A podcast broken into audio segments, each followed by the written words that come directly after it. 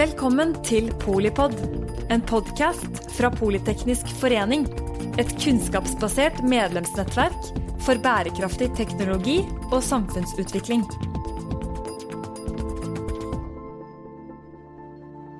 Da sier jeg bare start etter, med navnene etter hvert som det er deres tur til å få en kort introduksjon. Vi kommer til å gi et signal på 1 12 minutt og to minutter, og så går vi videre. Hvis ikke så tar dette veldig lang tid. Så formuler dere i spissform. Eh, eller si det dere mener på en annen måte. Eh, førstemann ut, Amund. Vær så god.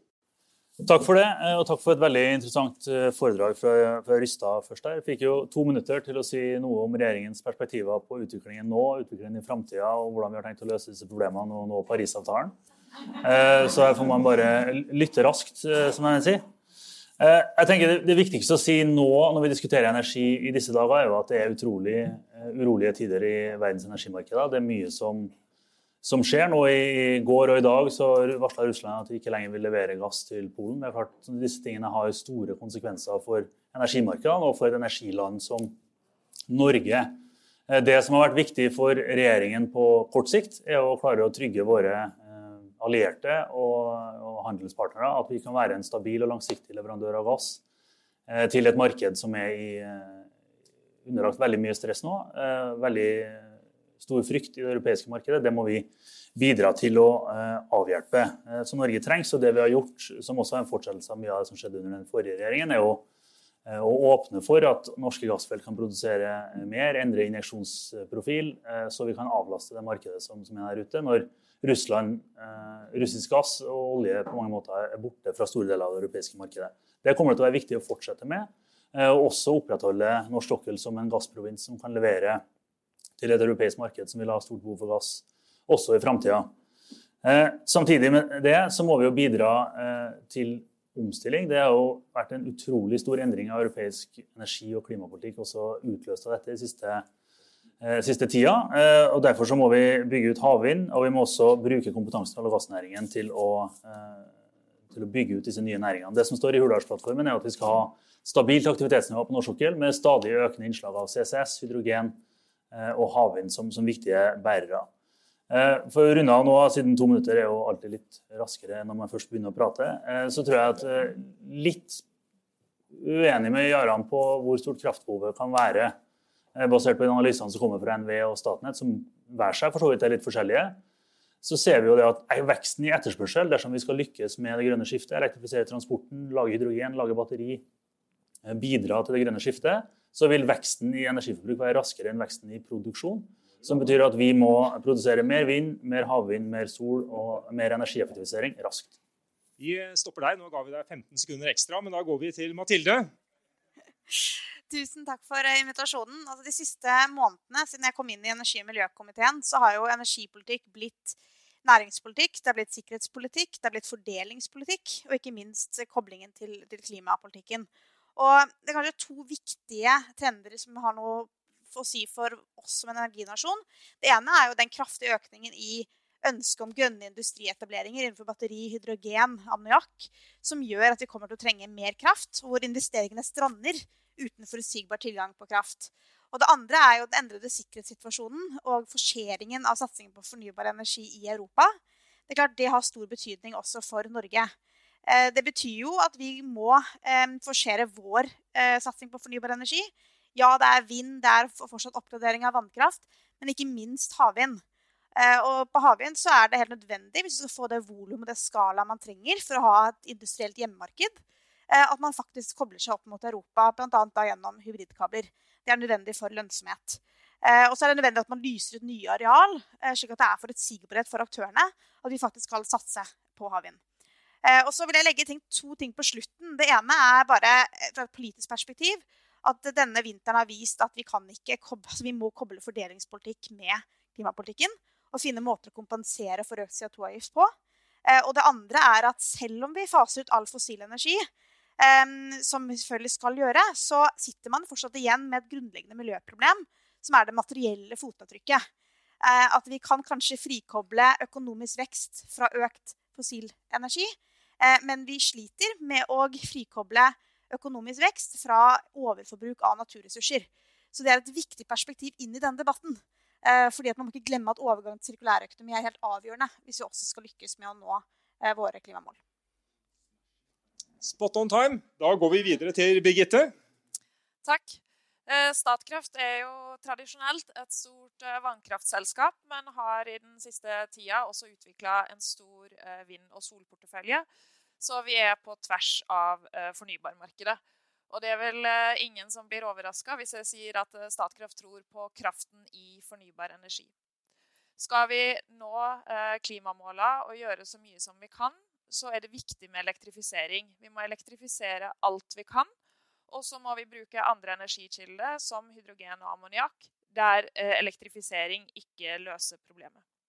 Vi tror også at det vil medføre noe økt eh, etterspørsel i Norge, både innenfor industri, innenfor eh, transport og eh, generelt på elektrifisering.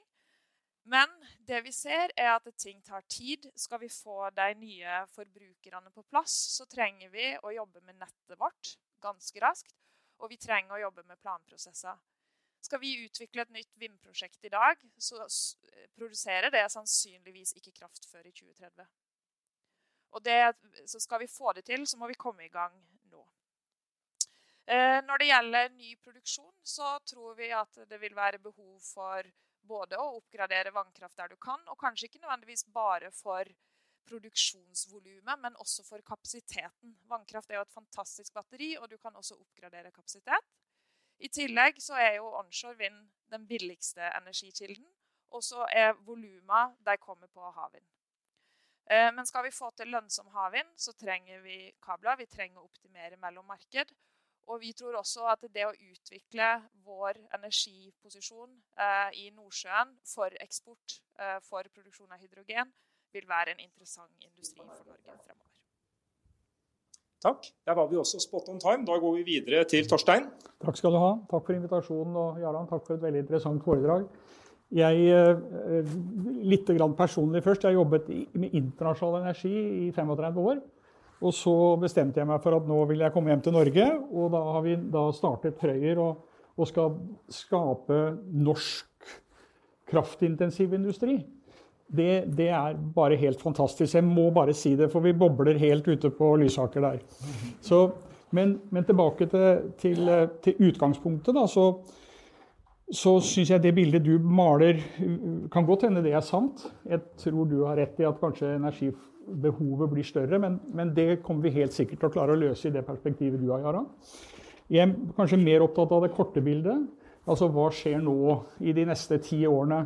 For, for, eh, for, der ser jeg jo litt mer pessimistisk på, på saken.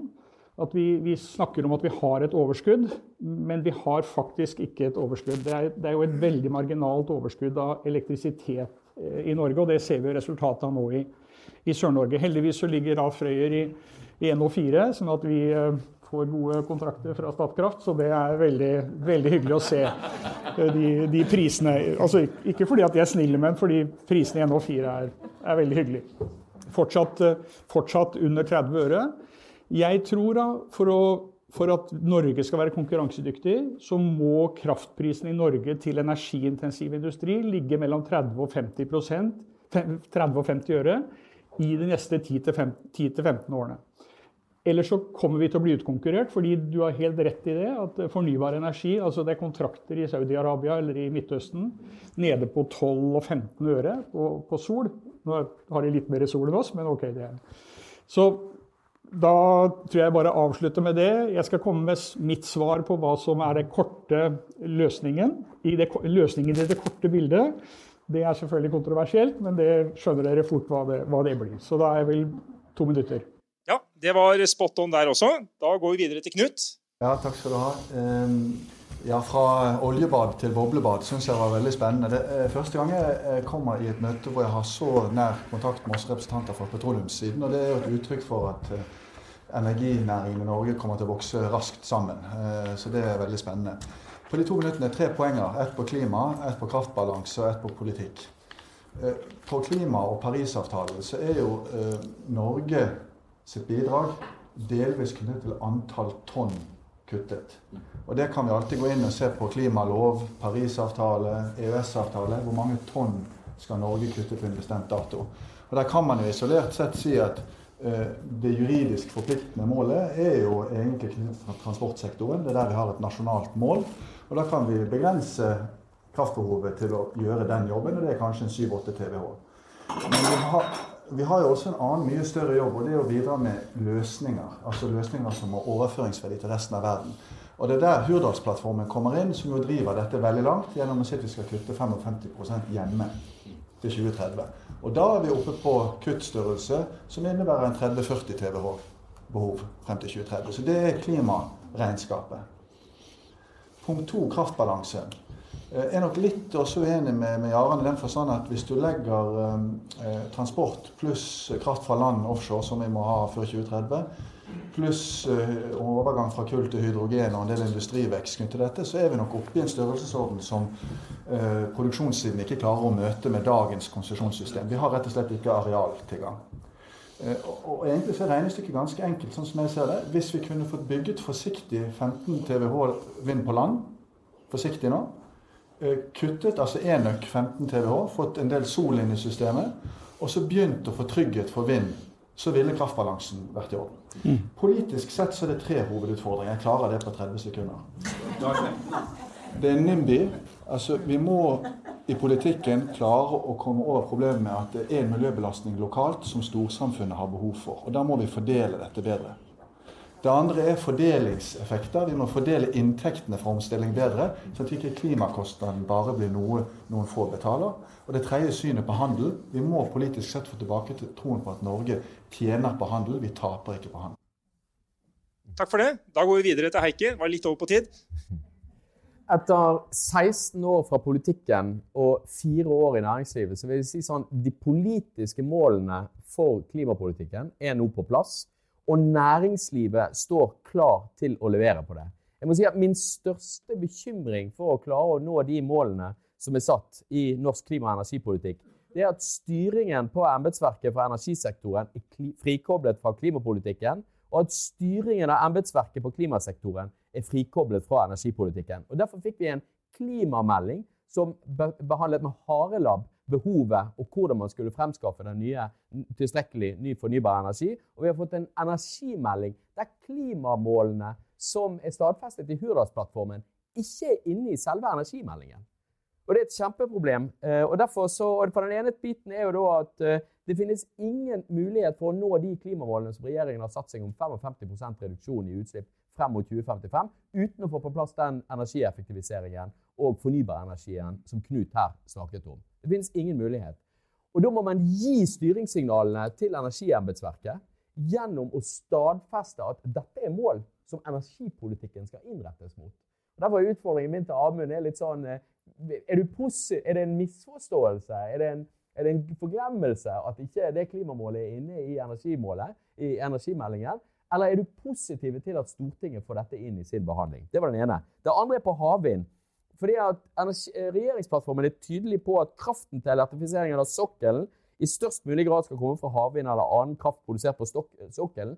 Dette er heller ikke inne i energimeldingen. Sånn at embetsverket i Olje- og energidepartementet, NVE og de andre jobber for å sørge for de 15 TWh-ene som du trenger til elektrifiseringen av sokkelen. Og det siste punktet mitt, Er du positiv til å få det også inn? Er det en forglemmelse? Debatten tar vi etterpå. Ja. Det, ja. Skal si det siste er at du kan skaffe for å lø det, det, du eneste du kan skaffe på kort sikt, er sånn som Knut sier, sol- og energieffektivisering 25% opp med varmepumpsalget i fjerde kvartal i fjor. Vi trenger en helt annen satsing på de to tingene lokalt om vi skal klare rask leveranse av fornybar energi. Takk for det. Da går vi videre til Hilde som siste. Ja, Hvorfor bruke dyrebar strøm på å elektrifisere sokkelen? Det er det flere gode grunner til. Den aller viktigste er kanskje at verden skal eh, mot null. Eh, og da må alle land og alle næringer også kutte utslipp. Og hvis Norge skal nå sine klimamål, eh, så er det ingen vei utenom eh, elektrifisering av eh, sokkelen. Der olje og gass står for 25% av Norges utslipp. Det er der du finner mange av de store utslippspunktene. Og vi ser også at elektrifisering er blant de mest kostnadseffektive kuttiltakene vi kan gjøre. Tiltak som virkelig monner. Veldig mange av de innenfor denne tiltaksprisen på 2000 kroner eller taket som, som myndighetene har, har, satt. Så vi mener dette er både noe som monner, det er noe som er kostnadseffektivt. Og så er det ikke gratis å ikke elektrifisere heller, for det er noe som også kommer til å bli dyrt etter hvert. Eh, altså Man har EU ETS, men de kvoteprisene er også dyre. Det er ikke penger som går til statskassen, sånn som CO2-avgiften. Det er penger som går rett ut av landet til å subsidiere kutt andre steder. For kvotesystemer er også til for å få til kutt. Så skjønner vi bekymringene rundt eh, kraftbalanse og strømpriser. Og i Equinor er vi veldig opptatt av at eh, her bør det bygges ut mer kraft. Det er Norge helt unikt posisjonert for å gjøre. Det har vi jo hørt fra veldig mange her. Vi har lagt frem et forslag til hvordan eh, Norge innen 2030 kan bygge ut 10 eh, gigawatt eh, offshore vind, bl.a. Og det vil være fire ganger mer enn vi trenger til elektrifiseringen frem mot 2030. Takk for det. Vi har fått beskrevet en del syn fra panelet. Nå er de tilgjengelige. Eh, debatten holdt på å ta allerede i innledningen. Det setter vi pris på. Noen har lurt på klarer vi å holde ut halvannen time med dette. Jeg tror vi gjør det, men eh, da må dere hjelpe oss på slutten. Eh, men i hvert fall noe av det første etter å ha lyttet til innleggene her, som jeg tenkte var liksom greit bare som å få litt på det rene, det, det er jo dette at Får vi et kraftunderskudd i Norge? Jarand, Jaran, du du var inne på det før 2030, hvis vi sier det først. da. Hvis vi har god nok tid, så får vi det til. Et kraftunderskudd? Eh, ja, Vil det bli et underskudd på kraft i Norge? Altså, det er, Når det er tørrår, ja. kan det bli det i perioder. Ja. Så, men um, jeg sier bare for å si det, altså Hvis vi sier at vi har en jevn eh forbedring på ca. 2-3% i året, mm. eh, og så vi, bygger vi uh, 15 all, all, transport kan være 15, ca. 15 TWh. Det erstatter jo nesten 50 TWh av fossilt. Ikke sant? Men det er, mye høyere effektivitet. Og så, så, er det elektrifisering av sokkelen. Men jeg mener at det ikke er fornuftig, eller det, det som er fornuftig, er å elektrifisere sokkelen i størst mulig grad gjennom offshore vind. Og se på prosjekter som Brage offshore og Ekofisk offshore. De var, ble lagt bort som eh, kabel fra land og kommer nå fullt tilbake med, med flytende med Kjempeideer. Og det er sånn man burde tenke for hele sokkelen. Og da, så da, liksom, da, ser jeg ikke egentlig at du trenger vite disse 15 TWh fra land. Det tror jeg er mye arbeid å få det til. Og så er det også batterier inn i nettet kommer til å optimalisere elsystemet på en helt annen måte enn i dag. Eh, så, så, du kan ha plass til mye ny industri og eh, all transport. Og helst havvindelektrifisering av sokkelen. For det sier en moderat økning fra 150 TWh la oss si det, og kanskje 80-180 TWh i løpet av uh, noen tiår. Men altså jeg klarer ikke å regne. Hvor kommer de 250 TWh? Hvem er det som skal ha all den strømmen? Jeg skjønner ikke det. Jeg kan komme tilbake til det. Eh, men jeg hadde bare ett sånn, ikke du rukket opp hånden her, da, men jeg la meg bare friste likevel. Vi har jo noen som sitter og produserer mesteparten av denne kraften i Norge. da. Eh, Statkraft i prosent, ja, i elektrisk kraft. Hva, stemmer dette med deres bilde? At det skal være null vekst i forbruket? Ja. Nei, jeg sa jo litt vekst. Jeg sa jo nei, jeg sa fra, fra 150 til 180 i løpet av eh, Jeg tror eh, 2030 er ganske nært i tid. Og skal du få de store eh, forbrukerne på banen, som batteriprodusenter, eh, som hydrogen til industri osv., så, videre, så må du komme i gang eh, veldig raskt. Eh, at det over tid, Vi tror på økt forbruk over tid. Og så må du ikke glemme at vi har et integrert kraftmarked. Det skjer faktisk veldig mye i Sverige. Sverige har kanskje større fart enn Norge på nytt forbruk. Og vi må jo se på den samla kraftbalansen. Ja. Nei, nå har jo regjeringen etablert en energikommisjon som skal bruke mer enn to timer på å se på kraftbalanse eh, og de langsiktige utviklingstrekkene. og De vil nok basere seg mye på Statnett og NVEs analyser. Og så vil de legge opp på en del analyser som vi gjør i NHO-fellesskapet, som fagbevegelsen gjør, og som veldig mange konsulentmiljøer eh, gjør. Så det er ikke mangel på vurderinger av, av fremtidig kraftbalanse. Men jeg tror det som er kjensgjerningen, er at i et normalår i dag så har vi ca. 15 TWh til overs. Og det eksporterer vi og får heldigvis verdi for istedenfor å slippe det på havet som vi gjorde før 1990. Eh, de smelter litt bort med den klimasatsingen vi har. Og så er det strikket er jo hydrogen og industrivekst. Og det er klart Uten ny fornybarproduksjon, enten i Norge eller i det nordiske markedet, som vi sier, gjennom vind i Sverige, så vil ikke det være så attraktivt å etablere den industrien. Det er vanligvis det som skjer i et marked, at det er pris og etterspørsel. Så, så møter vi ikke ønsket om å investere i ny industri i Norge med ny produksjon, så vil den tørke bort. Det er det som egentlig skjer. Og så blir vi kanskje avhengig av litt import i flere år enn i dag fra Sverige rundt 2026, før vi kanskje får havvind inn fra 2030. Det er vel det ekspertene mener.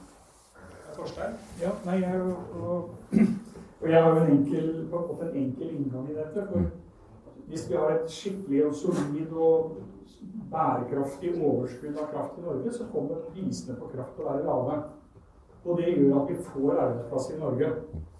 Hvis vi ikke gjør det, altså hvis vi har liksom en trend eller hvis vi bygger overføringskabler mellom NO4 og resten av Norge istedenfor å bygge ny kraft, da får vi ikke ny energi, ny industri i Norge. Så for meg er det såpass enkelt. da. Og det er kanskje ikke det samme interessen som Statkraft, men det er noe det er også. Nei, vi, eh, det er viktig å bygge ny industri i Norge. Så Ja, ja, ja, ja, er- jeg. Ja.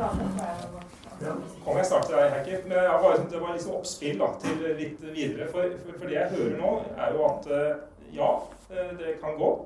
Men så er jo dette også avsløringer av beslutninger. Heikki, da skal du få lov til å komme til ordet. Ja, for jeg tenkte at altså, det, det momentet Jeg utfordret jo Amund, og jeg venter i spenning på at Amund skal svare meg her nå på, eh, på noe av de flotte og ambisiøse formuleringene som ligger i Hurdalsplattformen, som, som etter min oppfatning er den mest ambisiøse på klimafeltet og på industrialiseringsfeltet som vi har sett fra noen regjering noensinne i Norge. Men det hjelper jo ingenting hvis du ikke instruerer embetsverk til å jobbe for å realisere den visjonen. Og embetsverket føler seg aldri forpliktet av en regjeringsplattform. De føler seg forpliktet av stortingsmeldinger, av budsjetter, av budsjettproposisjoner og av tildelingsbrev.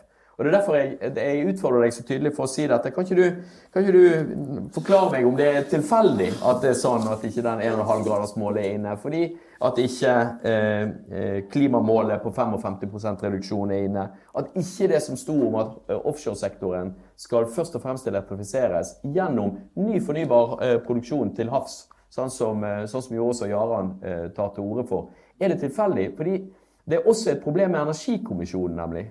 Og det er at heller ikke Energikommisjonen har fått et klart mandat til å se på hvordan man når målet om 55% reduksjon av utslipp i Norge frem mot 2030. De har fått som mål å se på ulike alternative behov. Men de har ikke fått et beskjed om å se veldig tydelig på hvordan skal man nå det som er regjeringen sin egen ambisjon om å redusere utslippene med 55% Så det blir jo kjempeskuffelse hvis vi nå etter ett år med venting på Klimakommisjonen kommer tilbake igjen, og så har ikke de utredet det som er det sentrale målet, som vi nå sitter og diskuterer.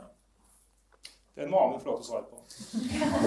Ja, det er en spennende og mangslungen utfordring fra, fra Eike der. Altså, I utgangspunktet så er det sånn at regjeringen har jo, og der er jeg jo helt enig med Eike altså Hurdalsplattformen er et svært ambisiøst eh, dokument på klima og på industri.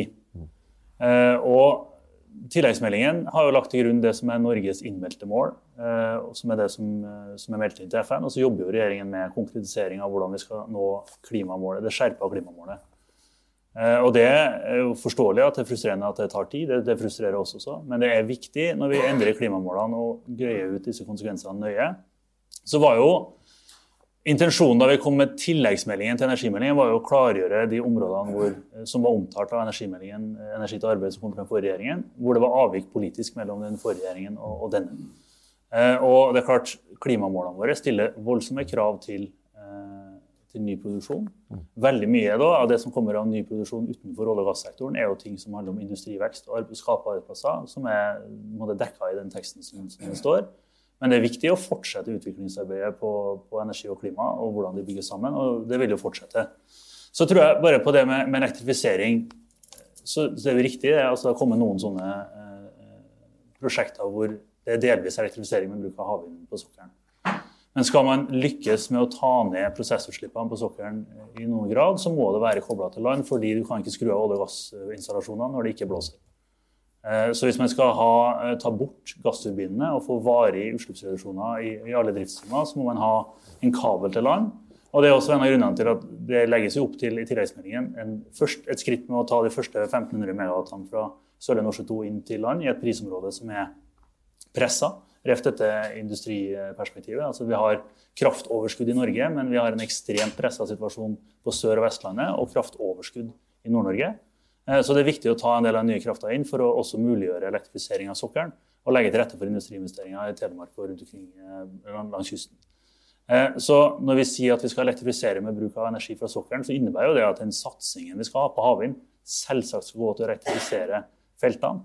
Men skal man få volum på det, og skal man få bort utslippene fra sokkelen når vi skal gå mot netto null i 2050, så er det avhengig av å være kobla på land også. Og Da er det hensiktsmessig å kombinere både disse feltene som har delvis elektrifisering med, med installasjoner knytta til utbyggingen, som Hywind Tampen og sånn som Oddfjell og andre eh, jobber med. Men, også, eh, men de store installasjonene må kobles til land. Og da kan jo havvinden eh, føres både til land og til sokkelen uten at det har nevneverdig konsekvens for, for selve elektrifiseringsprosjektet. Da bare et, Før jeg går videre til Mathilde, her, for hun har signert seg opp. Men altså, jeg må jo si, din partifelle Nikolai Astrup han sa at dette var mageplask. Hva har du å følge opp på? Spørsmål til meg? Ja. ja. Men da kan jeg reklamere for vår tilleggsmelding til energimeldingen. Eh, som vi la frem for noen uker siden. Jeg tror det, kanskje det viktigste og det eh, største ambisjonsløftet i vår tilleggsmelding, det er eh, havvindsatsingen hvor vi har sagt at fra 2025 til 2030 så bør man lyse ut nytt areal tilsvarende 3 gigawatt havvind hvert eneste år. Eh, og det skal være en forutsigbarhet for aktørene. Nettopp fordi at industrien skal kunne dimensjonere sine satsinger, sine kompetanseinvesteringer, ut ifra hva de vet politikerne skal legge frem av nytt areal. Eh, og det er, det er helt avgjørende. At du får fortgang i konsesjonsbehandlingene. Du vet der kommer eh, nye areal. Du får nå samkoordineringen med andre interesser, enten det er miljøinteresser, fiskeri, slik at du faktisk vet at vi kommer til å bygge det ut. Og så er jo utfordringen eh, med det regjeringen la frem, er at man endte opp med å gjøre det som kunne vært en lønnsom utbygging på Sørlige Nordsjø 2, til en ulønnsom utbygging som er avhengig av subsidier. Eh, og i tillegg til at den ble halvert, skalert ned i størrelse, og også skjøvet ut i tid når arealene skal lyses ut. Og det mener jeg er en veldig dårlig idé, fordi det er jo nettopp industriperspektivet og de altså det potensialet vi har i Norge for å kunne bruke vår kompetanse fra olje og gass til havvind, Eh, som trenger at vi har volum og skala. Så det kommer av å koble oss på et nett. Eh, og det sier jo egentlig alle aktørene selv. Selv Arbeiderpartiet sier jo egentlig det eh, før dere på dette kompromisset. Så jeg mener det var, det var uheldig. Og så vil jeg bare si for at dette spørsmålet om hvorvidt man har kraftoverskudd eller ikke Jeg tror det er litt sånn høna eller egget her. fordi at hvor, mange, hvor mye grønne industrietableringer vi får, avhenger også av eh, hva, hva, man vet om kraftoverskuddet. Eh, fordi ellers er det så stor usikkerhet å etablere seg. Og det forbruksveksten vil jo og ikke minst eh, arbeidsplasser og muligheten til å skape grønn industri vil jo avhenge av at man vet at det kommer mer fornybar energi. Og der tror jeg vi har et politisk problem i Norge. At det er veldig vanskelig eh, å få eh, gehør for i det politiske landskapet for ny kraftproduksjon. Eh, og at det er eh, 'not in my backyard' er ett argument. men at det stadig vises til egentlig alle andre energikilder man skal satse på, enn det man til enhver tid diskuterer. Før vi går videre, jeg har notert flere, men Amund får en kort replikk på det. Ja, altså... Eh, Heikki og, og, vi i den forrige rød-grønne regjeringen laga jo havenergilova i 2012. Eh, så gikk det veldig mange år hvor ingenting skjedde på havvind i Norge, før den avgående regjeringen la fram eh, sin energimelding på vei ut av døra. Eh, og etterlot veldig mange spørsmål ubesvarte med tanke på nettløsning, med tanke på tildelingsform, med tanke på finansieringsløsning. Eh, og egentlig alt annet enn at det var i disse to områdene, Utsira nord og Sørlige Nordsjø 2, at det skulle være havvind. Eh, så har vi jo hatt bak oss en vinter som har vært veldig krevende for kraftmarkedet, for husholdningene og for industrien i Norge. Og det at vi da tenker at det ikke ukomplisert, og at det kanskje krever noe mer utredning å koble Norge til utlandet gjennom enda en kabel, om det er aldri så mye vindkraft Imellom så eksponerer det norske markedet i perioder hvor det ikke blåser, til Storbritannia eller til Tyskland eller til Nederland, litt avhengig av hvor man trekker disse kablene. Så jeg tror det som er gjort av denne regjeringen nå, gjennom å starte med det vi kan absorbere i et svært pressa prisområde umiddelbart, varsle en utredning som er ferdig i oktober på hvordan vi skal gjøre nettløsningene, er den kloke måten å gjøre det på gjør det på i et system som er pressa nå, som vi ikke helt overskuer konsekvensene av. Europa distanserer seg fra russisk gass, har et voldsomt omstillingsbehov, vil være timer med ekstremt høye strømpriser i landene rundt oss. Så her er det naturlig å tenke seg om. og så er det vel å merke at eh, Høyre har jo altså, blitt altså, Høyres ambisjonsnivå på havvind er jo proporsjonalt med avstanden fra regjeringskontorene, sånn som det eh, ligger her nå. Eh, og ser jo også, har også sett behovet for en supplerende tilleggsmelding til sin egen melding eh, på, på, dette området. Sånn at jeg tror her, her, står vi oss på å ta kloke beslutninger, av tunga bein til munnen og lære av alle de andre områdene hvor kraftbransjen har vært euforisk interessert i noe som har blitt hyperkontroversielt etter hvert fordi man ikke har tatt seg tida til å tenke gjennom ting på forhånd. Jeg må bare ta før du går, Mathilde, du kommer tilbake. Men eh, nå sitter det en her som opererer over halvparten av norsk olje- og gassproduksjon, og som driver med havvind. Og har faktisk en utbygging pågående. De gjør akkurat dette her. Så jeg syns det er spennende å få et litt syn fra dem. Du sa 10 gigawatt havvind. Altså, hva tenker dere rundt dette? Ja, jeg hadde egentlig lyst til å kommentere også på, på dette rundt uh, altså elektrifisering ved hjelp av offshorevind. For det, egentlig, det, hører vi jo mye. Det er veldig mange som uh, er begeistret for den ideen. Og, og, det skjønner jeg veldig godt, fordi det er noe sånn besnærende ved den tanken. Og vi jobber jo med Hywind-tanken. Amund var inne på mange av grunnene til at vi tror ikke en sånn hver installasjon sin vindmølle er riktig vei å gå. Fordi eh, det handler litt om at du tar bare deler av, eh, av eh, reduksjonsbehovet. Så det blir som en sånn hybridbilmotor. Du må både ha den fossile, du må ha gassturbinen og dette. Og det er ikke der det blåser mest alltid. Det er ikke nødvendigvis de gunstigste stedene oljeplattformene ligger. Men det viktigste poenget er skala. Eh, altså hvis, eh, hvis eh, offshore vind skal bli lønnsomt eh, og, og, virkelig ha en fremtid, så trenger man skala. Det er da du får ned kostnadene. Og det får du ikke. Du får ikke stor nok skala ved å knytte dette direkte. Så selvfølgelig er det noe man ser på og kan vurdere på en måte enkelte steder, men som en sånn, den ene store løsningen, så er det, da er det ikke lenger dette som gir lav tiltakskost, eh, for å si det sånn. Så. Har du noen mer detaljer på hva er stor skala? Hva er stor skala? Altså, vi har jo foreslått dette med ja, per kan si, Hywind Tampen er jo ikke stor skala, men man må nok opp i Prosjektene blir større og større, og vindmøllene blir også større og større. Så de prosjektene vi jobber med nå, sånn som Dogger Bank og Empire Wind og sånn i, i UK, de er jo gjerne altså flere gigawatt over flere felter. da. Så da snakker vi Sørlige Nordsjø. ikke sant? Ja. Heikki? Mens den ene biten handler om teknologiutvikling av flytende havvind. sant? Og Der er det jo å gå opp fra. så det er jo ikke eh, i anstendighetens navn, altså En av de store spennende tingene som jo satte på nytt fart på havvinddebatten i Norge, det var jo utbyggingen deres av 88 megawatt på, på Hywind Tampen. Og Da er det jo nødvendig å ta et stort skritt opp der. Det har Rystad Energi laget en super rapport om, om hvordan man nettopp kan oppnå skala og eh, bygge fire store havvindparker eh, på ulike steder og oppnå en elektrifisering av sokkelen som er ganske omfattende. Men da trenger du den kabelløsningen til, eh, til land. Ulempen med den rapporten var at den ble lansert 12.3.2020. 12. mars 2020.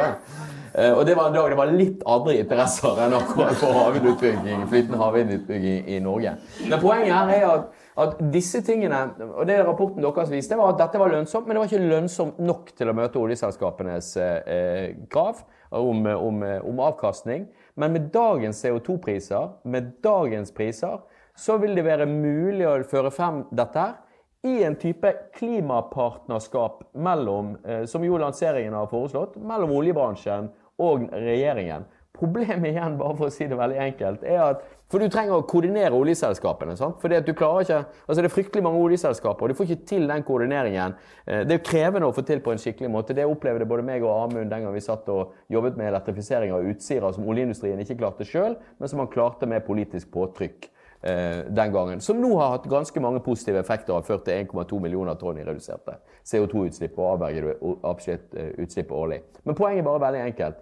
Igjen så handler det om disse ambisjonene om klimapartnerskap, disse ambisjonene om at oljesektoren skal elektrifisere seg sjøl, det trenger koordinering. Det trenger påtrykk for olje- og gassavdelingen i Olje- og energidepartementet.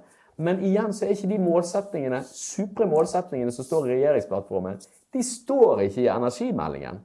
Og du får ikke utløst den kraften og den koordinerende kraften hvis du ikke får til det samarbeidet og du får en tydelig føring rettet opp mot embetsverket på at dette her er noe man skal oppnå. Tror jeg. Du, du var nestemann som du tenkte, tror jeg. Ja.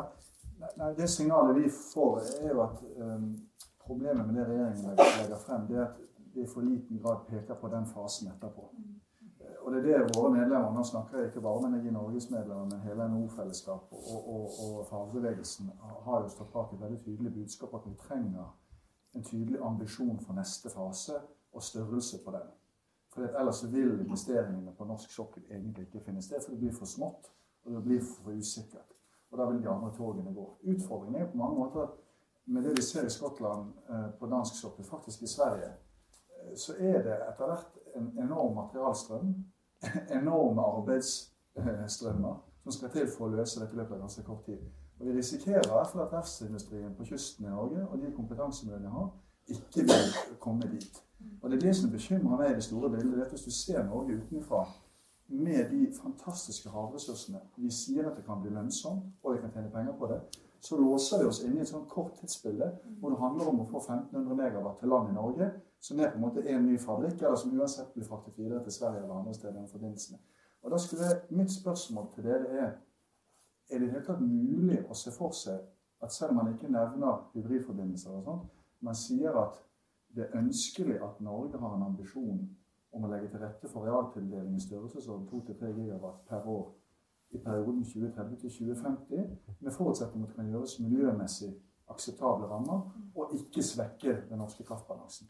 Hvis vi får et bredt politisk forlik rundt dette, så kan NVE og andre og Statnett utrede og komme i gang. Men det kan vi få i Stortinget hvis det er vilje til det. Men da må vi løfte blikket. altså. Der vet jeg flere som er fra Torstein, kanskje? Ja, jeg, jeg, har, jeg vil gjerne på et annet spørsmål. Ok, ja, da, da, da må vi avslutte. Vi, har, eh, vi skal få med de siste her også. Men uh, igjen bare tilbake som du beskriver, ikke sant, at her kan det være et forlik. Jeg, jeg gjorde et kjapt regnestykke. Hvis dere to får med dere deres egne partier, dere har flertall i regjering, overbevise én til på Stortinget, så er vi der. Det er flertall. Og det var kanskje det forliket du pekte på. Så Helst på det. Ja. Mathilde? Ja, altså, gjerne et bredt forlik. Men eh, det er jo det som eh, Høyre nå la frem, var jo nettopp en plan for arealtildeling til 3 gigawatt eh, per år fra 2025. Og det er en grunn til det. Det er, det er ikke et tall tatt ut som løser luften. Det er det industriaktørene selv sier at det er potensial for, og som de er klare for å investere i. Men de trenger den forutsigbarheten. Og så vil jeg si at Hvis du tar de siste ti årene Hywind Tampen åpner i år. Det er jo takket være en beslutning fra den forrige regjeringen. Det man har sett de siste årene, er jo at prisbildet, særlig på, uh, på bunnfast, har endret seg kolossalt. At man kan ikke sammenligne altså beslutninger for investering i dag kontra hva det var i 2011-2012. Uh, nettopp fordi det har vært et så stor endring. Flytende er fremdeles ulønnsom, men man ser også der at prisbildet vil endre seg. Uh, og at Norge kan være en pådriver for det. Så det, det, Vi må på en måte ta det inn i, inn i vurderingen når man ser på hva slags satsing det har vært på, vært på havvind. Eh, og så har jo vårt ønske vært altså Jeg trodde jo egentlig i, i, januar trodde jeg at det regjeringen skulle legge frem, var eh, Her er støtteordningene særlig for, eh, for Utsira nord. Eh, dette er eh, liksom nye areal vi vurderer. Eh, arealet lyses ut nå, og vi skal koble oss opp med et Nordsjønett, slik at du får den skala og den volumet man trenger. Det var det jeg trodde, fordi man hadde jo flere evalueringer som tyder på at hvis du kan få liksom, netto krafttilførsel til Norge selv med hybridkabler. Det handler om dimensjonering av de kablene. Men da får du også at satsingen er lønnsom. Og litt av poenget her er at den må være lønnsom eh, for å kunne eh, skape et hjemmemarked for, eh, for norsk industri. Så det er det jeg skulle ønske regjeringen hadde lagt frem, istedenfor en skalert ned versjon som har skapt mye usikkerhet. Og så er det en ting til. Jeg er veldig glad for at vi la frem en tilleggsmelding. Det har vært veldig rart hvis Høyre i april 2022 skulle si at det vi la frem i juni 2021, Eh, det er, det er, da vi ferdig fiks. Det har ikke skjedd noe i energimarkedet siden den gang. Det har jo vært en kjempestor endring i energimarkedet. Og ikke minst med den forserte fornybarsatsingen i Europa. Ambisjonsnivået i Skottland, mange av våre naboland på havvind, forutsetter jo at vi skalerer opp vår satsing også. Hvis vi skal klare å lykkes i det som egentlig blir et sånn globalt kappløp for å kunne vinne markedsandeler i et globalt havvindmarked. Birgitte? Ja, eh, litt, litt, tilbake, men i forhold til det med elektrifisering av sokkelen, altså bare kabel eller bare mølle Vi må gjøre begge deler samtidig, fordi da har du batteriet, som er vannkraften, som man kan serve. Men hvis du ikke tilfører volumet, eh, så løser det ikke problemet. ikke sant? Så du, du kan gjøre begge deler.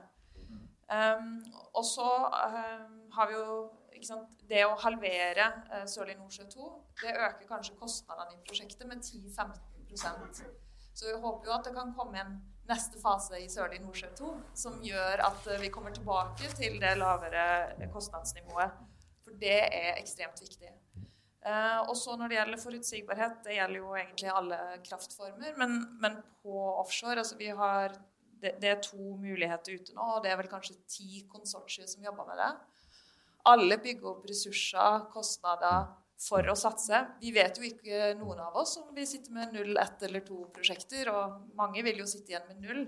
Så skal vi på en måte få den industrien over tid i Norge, så må vi også se hva som kommer etterpå ta et av de andre konsortiene. Ja, jeg har lyst til å gi en veldig kort kommentar til dette med jeg tror Uansett hva, altså hvor stor tro man har på elektrifisering av sokkelen ved hjelp av offshore vind, så er det én ting som jeg er litt sånn nervøs for, og det er om debatten om havvind i Norge blir nå en debatt om, om eh, havvind knytta til olje og gass. For det er ikke det som på en måte bygger et nytt industrieventyr. Så vi må bare passe på at uansett den debatten, så må ikke det bli havvinddebatten i. Det er ikke der du bygger skala, det er ikke der du skaper fremtiden. Så, og nå er det litt sånn tendenser til at det blir havvinddebatten. Og man tror det er der vi skal drive med havvind.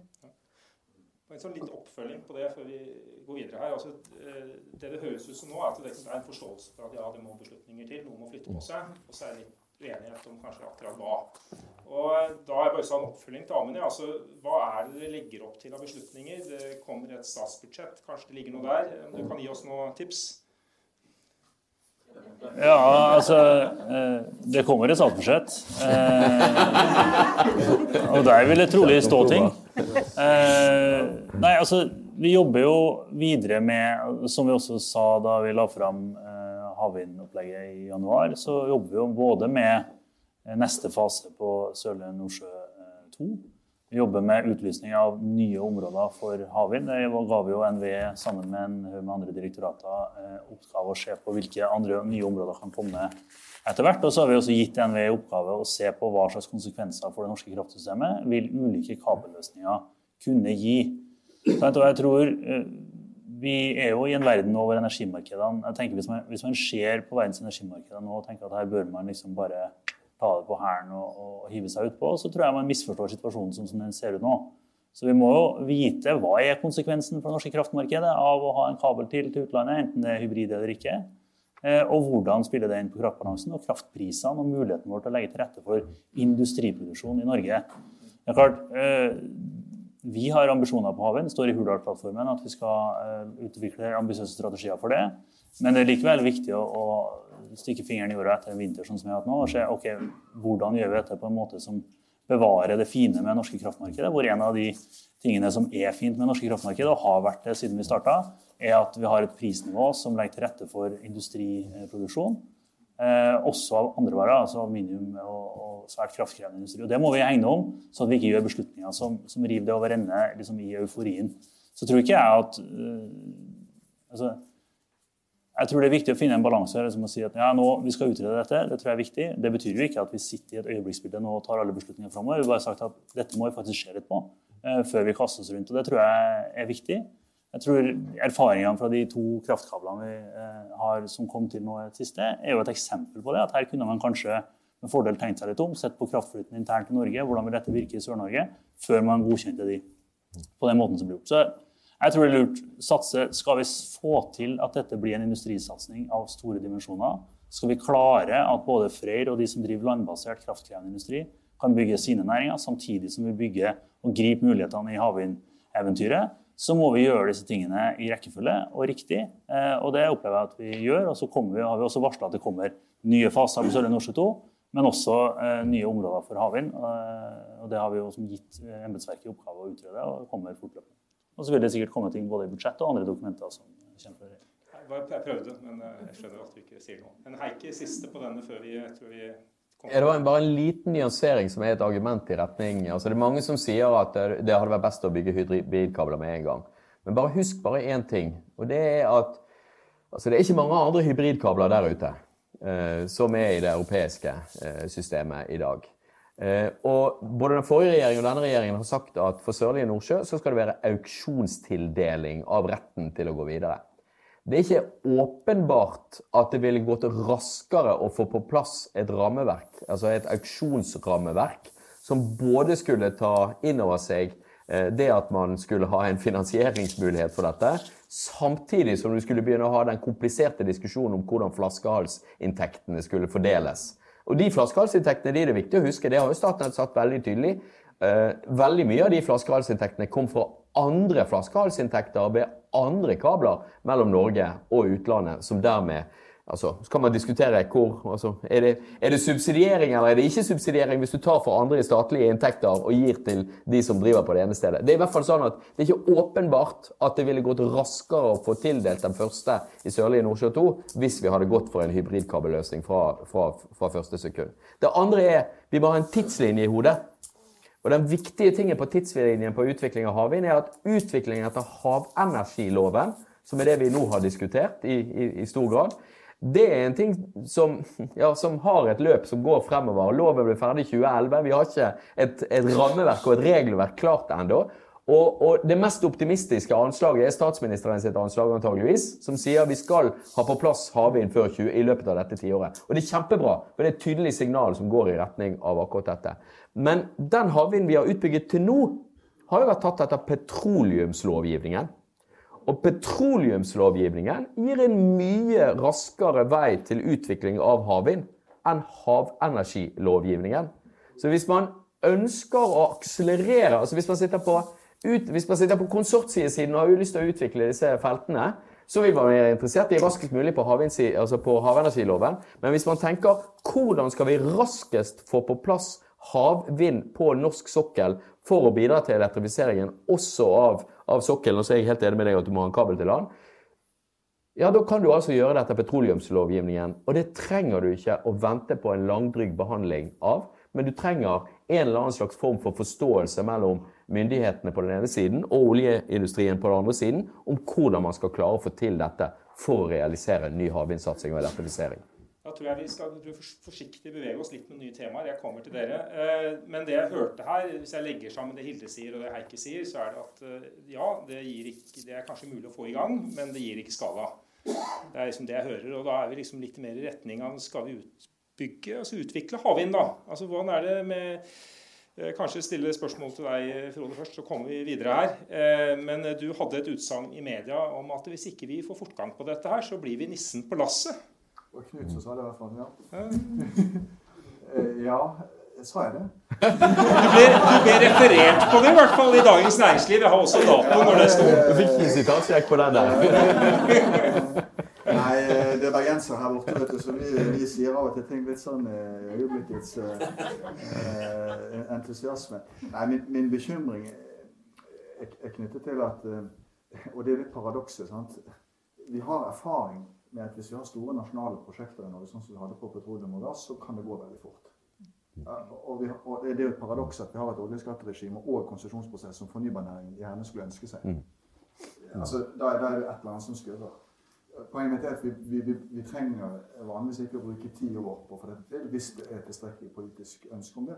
Jeg er redd for at vi blir nisser på lasset. For det kommer til å komme så mye havvind i havområdene rundt oss som vi bare kommer til å, å, å, ta imot. Og så kommer vi til å balansere på en annen måte den norske uh, vannkraften. Vi kommer på en måte ikke til å dele nytten av det. Det er jeg mente med nisse på lasset. Det er på en måte andre som tar den store reisen, og så følger vi bare med på ferden fordi vi er litt opptatt av å passe på vårt eget. Da. Så jeg brukte den spissformuleringen. Ja, greit. Nei, men det hadde noe tillegg. Du, du prøvde jo å ta ordet her, men hvis ikke så går vi til Torstein. Ja, ja jeg, eh, til havvind så, så, så har jeg veldig tro på at havvind kan dersom vi, gjør, dersom vi ikke blir Gisselpalasset. Men uh, så, så, kan det utvikle seg til en stor og veldig viktig industri i Norge. Men, men det som er mitt anliggende, det er industriutvikling på land. Altså uh, batteri eller hydrogen eller andre ting.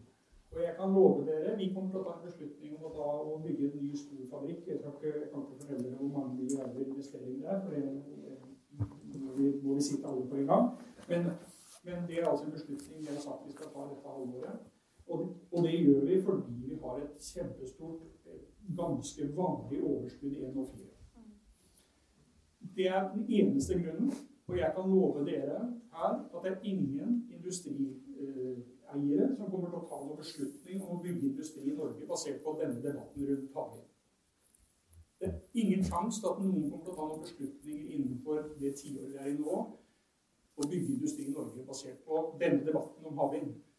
Det, det, er to grunner til det. Det ene er at det flyter jo i alle retninger. Og det andre er at kostnaden på havvind er for høy i dag. Derfor, så må vi, derfor så vil jeg bevege meg til mitt andre poeng, som er vind på land. Vi har altså en uendelig ressurs i Norge.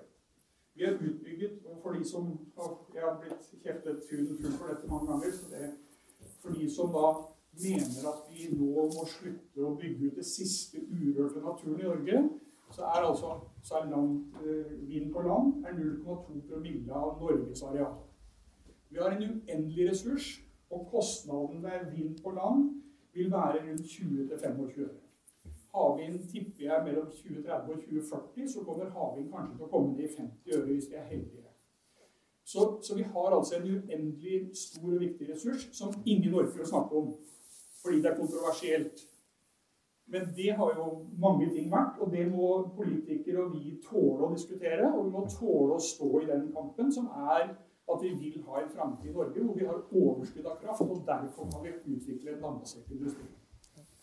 Er det som en liten oppfølging på det, før jeg ser politikere vil si noe, men eh, vi sitter igjen her. Birgitte, dere driver jo med å bygge ut vindkraftplaner, har gjort det i hvert fall. Hva er deres tanker? Altså, vi bygger jo ut vindkraft på land i ti land i Europa. Eh, noen land i Sør-Amerika eh, også. Og i Norge så har vi jo ikke hatt et plansystem som har gjort at du kan utvikle nye prosjekt for de nesten tre siste åra. Mm. Det var jo en veldig brå vekst uh, med utbygging av landbasert vind i forrige tiår. Og det kom nok litt brått og litt raskt, sånn at vi anerkjenner at man må ha bedre prosesser, mer lokal forankring. Men vi tror at vi må tenke industri og vindkraft sammen og utvikle det slik at man ser verdien da, at du får industri, at du får arbeidsplasser, i parallell med at du får for billig kraft. Mm. Så vi, vi har troa på det. Du må, men du må få fart igjen i mm. plansystemet. Mm. Per i dag er det ikke mulig å utvikle vind. Fakta. Fakta. I Norge har vi 600 vindmøller. I Danmark, som er stort som Vestfold fylke, give or take, er det 5000. Og vi skal nå skalere det ned til 3800 over de neste ti årene. Så, så det er bare å Altså, dette må vi bare ta fatt i. Heikki, du hadde en kommentar der, og så skal jeg gå til politikerne. Veldig, veldig, veldig kort. for Jeg satt som vindkraftsjef i, eh, i, Multiconsult når NVE på en måte trakk ut pluggen på, eh, og bare sa sånn Nå blir det, nå trekker vi inn de konsesjonene som ikke er ferdige innen 2021, og så er det full stopp eh, fremover. Og, eh, og, en av de tingene som, som jeg tenker er helt, det, Og her er det bare å gi ros til regjeringen, for det regjeringen jo setter i gang nå der det er ny behandling. og Vi begynner med meldingsarbeidet på, på, sånn at du får kommet i gang igjen. Og Jeg har veldig tro på, på, på det dere begge to sier, om at hvis du kobler energi og industri, så er viljen lokalt til å støtte opp under utvikling den er mye større. Den er mye større enn det den var. Og så må vi sørge for at vi får tilstrekkelig med penger igjen også i lokalsamfunnene. Og Der er den forrige regjeringen satt i gang med noe som i hvert fall gir mer penger til lokalsamfunnet. Og så kan det godt hende det må enda mer. Men det er én ting igjen. Altså, saksbehandling, Det er veldig mange som pekte på vindkraftutviklerne som de som var på en måte den store, stygge ulven for hvorfor det tok så lang tid før man kom i mål. Men altså en gjennomgang av de konsesjonene som ble gitt av den forrige regjering, viste at i gjennomsnittet, så, eller på en, en, stor andel av saksbehandlingen, av, av, av klagebehandlingen av, av vindkraftsøknader, var tre år i departementet. Den lengste klagebehandlingen i departementet var én som var fem års klagebehandling. Og det er klart at Hvis du skal klare å dra i land og tenke vi skal ha ny vindkraft som er operativ i Norge, så er det ekstremt viktig at det politiske trykket på å si sånn vi skal ha en effektiv klagebehandling og en effektiv søknadsprosess av, av, av, disse sakene, er helt avgjørende. Tilsvarende på havvind når vi kommer i gang med de tingene der. Men det er altså å ha fokus på rask saksbehandlingstid og skikkelig behandling og grundig behandling er, er, er, utrolig viktig for at vi skal klare å få, få, opp den kraften vi trenger til industrialiseringen av Norge. Som, Man får vi ta politikerne. Mathilde først. Ja, altså det er jo det vi ønsker å få, tak, få, til. Både rask behandling, men også grundig behandling. Det er den avveiningen der som vi flere ganger i norsk energipolitikk har slått feil i. Bare tenk på nettutbygging. Så fikk du monstermaster i Hardanger som på en måte rett i ansiktet. Og så fikk man nå også da den kraftige eh, vindmølleopprøret som gjorde at det var helt nødvendig eh, å gjøre endringer i konsesjonssystemet.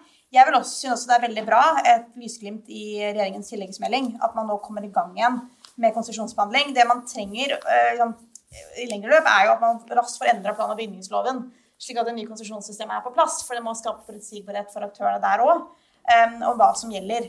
Jeg tror Jeg var jo på besøk ikke langt unna der dere har deres fabrikk, i Mosjøen, på Øyfjellet, som nå setter i gang med et stort vind vindparkanlegg. Der har man fått Selvfølgelig, det er fortsatt kontroverser der òg, men det har vært i mye større grad lokal vilje til å satse. Det er jo nettopp fordi de har kobla det opp mot det som er på hjørnesteinsbedriften og det energibehovet de har for deres industri. Men de har også gjort en del andre grep som har sikra at du faktisk får tillit lokalt til å bygge ut. Og det er jo slike eksempler vi må, vi må følge for å kunne klare å få lokal forankring for nye prosjekt. Jeg tror vi har mye å lære av f.eks. eksempel, Øyfjellutbyggingen der. Det viktigste vi gjorde i det nye konsesjonssystemet, det er jo at man legger mer vekt på lokal selvstyre. Men også eh, mer fokus på miljøkartlegging tidlig. Størrelse på turbinene, avstand mellom turbinene. Hvor lang tid du kan ha en konsesjon før du må faktisk begynne å bygge ut. Og dette, er, dette var jo mange av de aspektene som var mest kontroversielle, og som gjorde at opprøret oppsto. Så forhåpentligvis så vil det nye konsesjonssystemet, kobla med produksjonsavgiften, som gjør at man får litt mer penger lokalt, bidra til eh, at du får et stemningsskifte. Men det er klart, dette er vanskelig. Eh, og det er ingen tvil om at eh, man har en oppoverbakke i årene fremover også. Og la Amund også fylle inn der. Ja, altså jeg, jeg tror jo øh, Vindkraft på land er jo det som fram til 2030 må levere. Hvis vi skal klare å produsere mer, så må vindkraft på land øh, levere mer.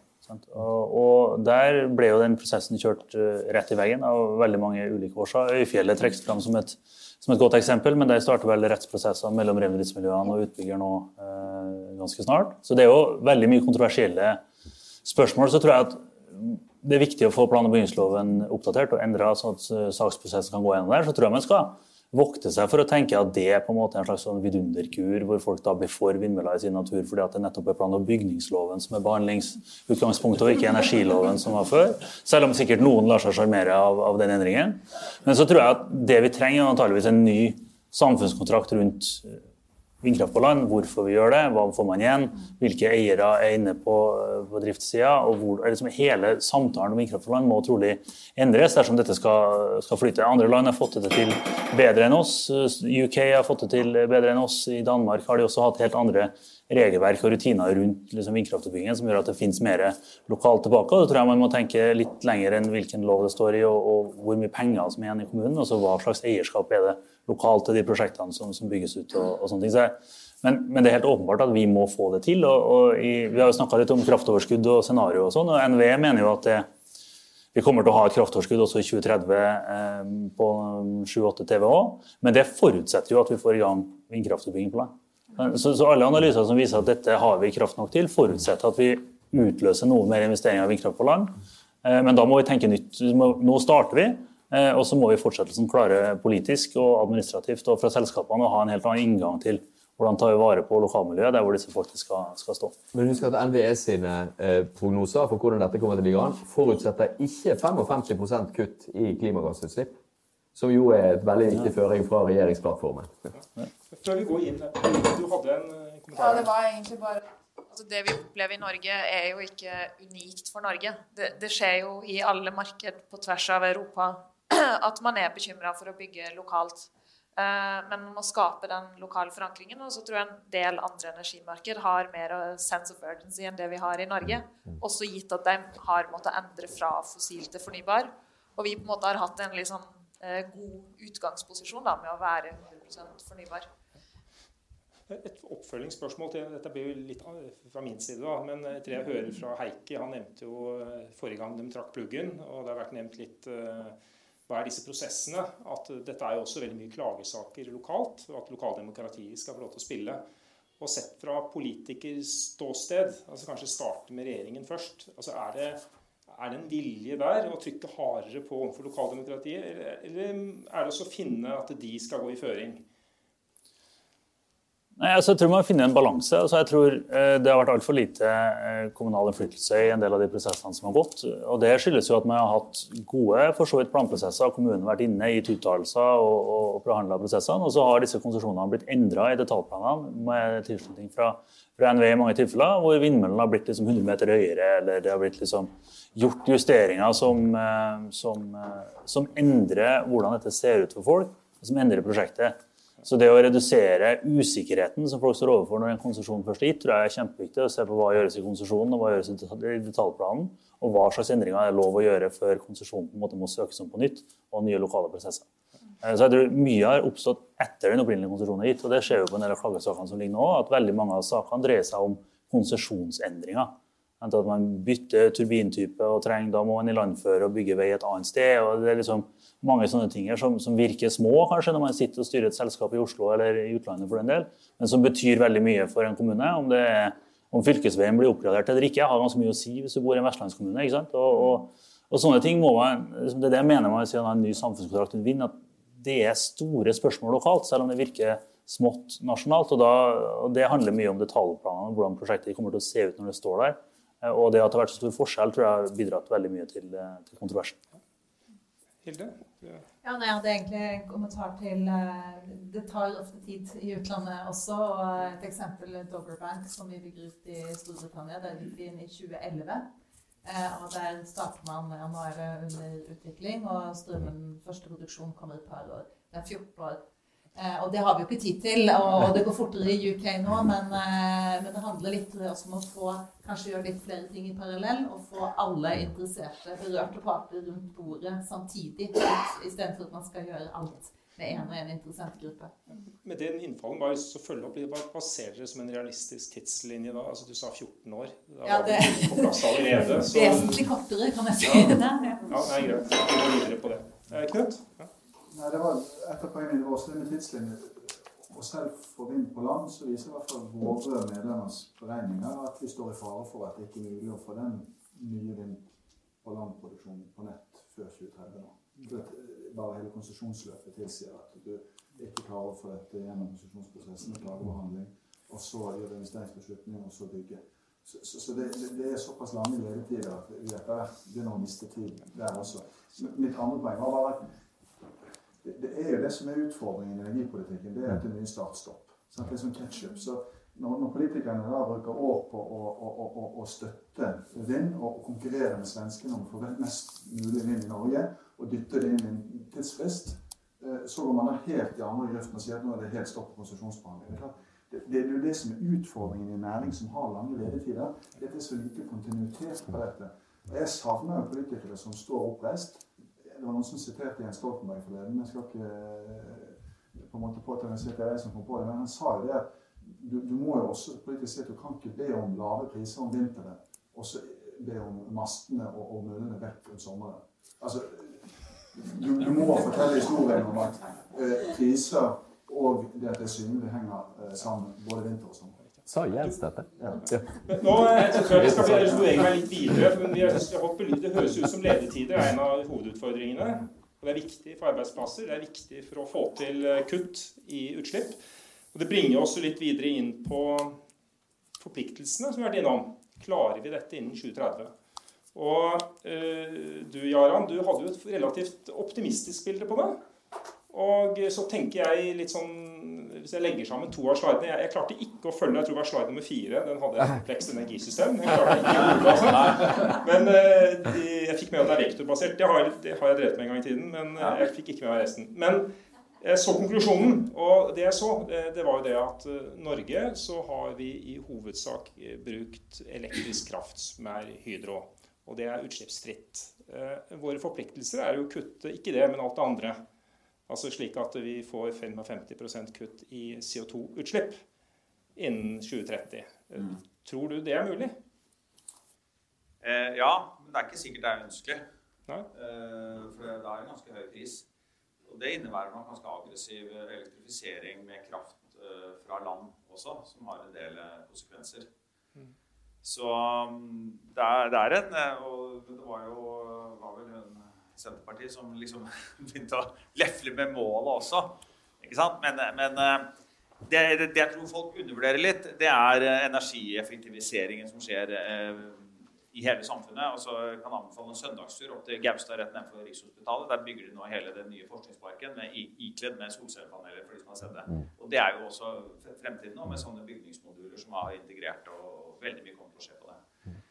Så, men bare en liten kommentar til liksom, debatten her nå. Jeg tror det er to hovedperspektiver. og Det ene er fastlandsperspektivet. og Da ser man Nordsjøen som en forlengelse av elsystemet i Norge. Og uh, bevare kraftindustrien i Norge osv. Og, så og uh, snakker om en marginal økning eh, av eh, kraftproduksjon i Norge, som er 10-20 TWh. Og så blir det bra for industrien, eh, spesielt hvis det jeg sier om energieffektivisering realiseres. da.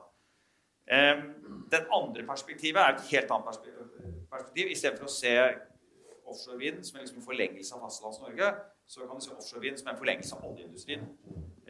Og perspektivet til oljeindustrien er jo glem Norge. Altså Der vi har dyr bensin i Norge, selv om vi produserer en noe av det største i Norge, så det er at vi skal eksportere energi. Vi skal bli en stor energinasjon. Og Det er det perspektivet jeg egentlig tegnet opp. Mm. Og så spørs det hva er det sånn at eh, det, eh, det er det store perspektivet som trengs. og Det er faktisk konsistent med det du sier at vi trenger 2-3 gigawatt i året av utlysning. Da, da, snakker vi ikke lenger om denne fastlandsforlengelsen. Da snakker vi om det store perspektivet mitt på å skape en stor ny energiutfordring. Og så kan si at kanskje det skaper noen utfordringer for for du blir litt skremt av det, fordi at eh, det, da kommer til å lekke eh, eh pris, eh, prisetableringer mellom, mellom kontinentet og Norge. Eller altså prisformasjon. Jeg tror at det er mulig å håndtere det ved hjelp av langsiktige kontrakter, konsesjoner og forskjellige ting. Så det er, en du, med at du faktisk kan få litt i posesekk. og jeg tror at det er først ved å liksom virkelig satse på den store tørre å ta den store visjonen og ikke være sånn der fastlandsforlengelse, men være liksom den store olje. Nei, vi skal lage en ny oljeindustri. Vi skal ikke forlenge nettet ut, litt ut i havet. Da tror jeg faktisk du vil oppnå stor nok hastighet. For det er, det er, faktisk mye mindre eh, konfliktområder i havet, selv om det er noen. Det er fiskebanker, og det er skipsruter, og det er en del sånne ting.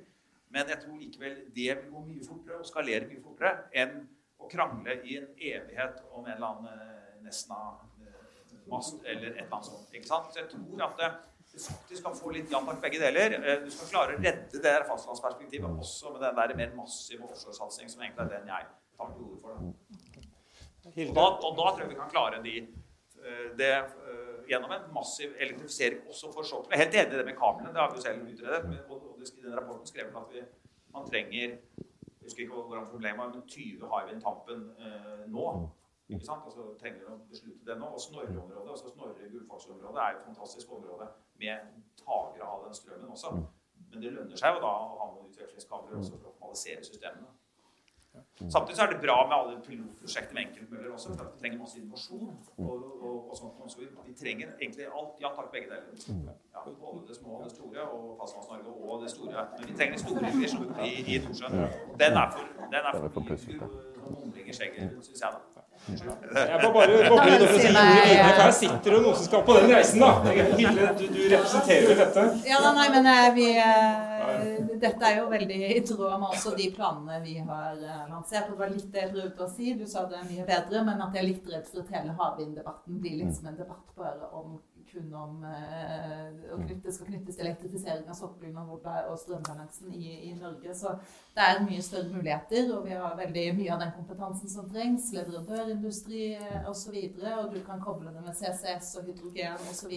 Så, så det å tenke Nordsjøen som, som mulighetsrom, det, det syns vi er veldig spennende. Så den skalaen du eh, snakka om, eh, det, det, er mer også det vi ser for oss. Og da vi snakka om 10 eh, gigawatt innen 2030 eller 2035, men selvfølgelig med potensial for mye mer. Det er ikke veldig ambisiøst med 50-50, det er ganske moderat, egentlig. Jeg vil bare stille et oppfølgingsspørsmål på det. fordi Også dette knyttet til Parisavtalen og de ytterligere forpliktelsene vi har gitt da, eh, i 2030. Tror du det lar seg løse? Og det ja, altså, det, det, må vi jo prøve å løse. og Det har vi også fått klare forventninger og føringer fra for myndighetene som, som industri. Så, så, tror jeg man må kutte, eh, men vi må også finne ut hva vi skal gjøre av nye ting. fordi du kan ikke bare, du skal ikke bare kutte utslipp, du skal også fortsette å levere energi og skape arbeidsplasser. Så vi er jo litt opptatt av det Vi snakker både om kutt, men også om hvordan, hvordan, hvordan skal vi faktisk fortsatt være en eh, energileverandør. Ja. Jeg har veldig tro på, de, eh, på, på, det, på å løfte den store visjonen. Og så være litt forsiktig med å si, ta for gitt etablerte sannheter. Og, og tenke at nettopp sånn som Knut sier, den lange ledetiden i bransjen gjør at det som er sant for to år siden, ikke er sant i dag. Og det som er sant i dag, ikke nødvendigvis er sant når etableringen av de tingene vi på en måte nå planlegger og nå snakker om, er på plass. Bare for å ta et par eksempler. Det ene er, jeg husker vi snakket om at grønne sertifikater kom til å bli kjempebra. Veldig masse mer penger enn det de ville få i Enova-støtte. I dag, eh, når du på en måte ser, når du har liksom det helt systemet utrullet, så har vi grønne sertifikatpriser på omtrent en øre per kilowatt time produsert. Mye mindre enn det du ville fått i en overstøtte på nøyaktig de samme eh, prosjektene. Eh, I dag, så, så, For to år siden så snakket vi om vi hadde et kjempesvært kraftoverskudd. Eller var tre år siden, Knut, jeg vet ikke, når vi snakket om disse tingene. Og at det var på en måte grunn til å være forsiktig med å liksom, si, tenke for offensivt om, om ny fornybar energi.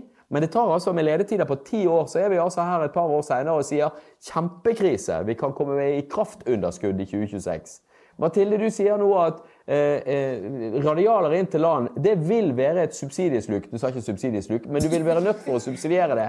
Ja, men altså eh, Nå har vi russisk invasjon av Ukraina og gjenstengte gasskraner bare i morges eh, som kommer inn her. Vi aner ikke hva strømprisen i 2030 kommer til å være. Og nettopp det er en usikkerhet man er nødt for å forholde seg til som, som utvikler her nå. Men det er ikke sikkert at det kommer til å være et kjempesvært subsidiesluk i 2030 med utbygging av havvind som radialer. Simpelthen fordi energivirkeligheten endrer seg hele tiden. Og nettopp derfor, fordi dette er en bransje med lange ledetider, er det nødvendig å gjøre sånn som Jaran sier, og som flere her tatt til orde for. Man må tenke litt langsiktig, og så må man planlegge for det. Og så får vi korrigere kursen litt underveis. Du, du, sier jo par, kommer til politikerne nå hvert øyeblikk. Eh, bare følg opp ett hakk videre, for jeg fikk veldig lyst til det med det rasjonale der. Eh, altså, du sier at du vet ikke hva prisen er om ti år. Vil noen da investere? Ja, da må du ha contracts for difference, sånn som er blitt det vanlige systemet for offshore vindutbygging. Og jeg håper jo at den politiske behandlingen i Stortinget lander akkurat det viktige punktet. For hvis du får en sånn tydelig altså differansekontrakterløsning, contracts for difference, så får, du, så får du den billigste utbyggingen av havvind som er mulig å få til fordi at man konkurrerer og vet sikkerhet for prisen som du får. Og da har du også mye større vilje blant store investorer til å gå inn, for de vet hva slags kontantstrøm de kan forvente i tiden som kommer for kraften. Viljen til å gi, eh, gi lån på lav rente og finansiering på lav rente vil være mye, mye større. Og det, det er det omforent i, i, i, eh, si, i kraftbransje, i, i ulike finansielle miljøer at det vil være en viktig måte og riktig måte å subsidiere eller støtte eller sikre inntektsstrømmene til, eh, til havvindprosjektene på. Bare ett før vi går dit. Birgitte. Det står på flytende og bunnfast her, altså. Ja, ja. Bare for å ha tatt det. Ja, for, for, bare ett spørsmål til Birgitte på det. fordi det gikk noe inn i Nå er dette kostnader, og det er contrast for difference. Vi begynner å nærme oss eh, hva er prisbildet her.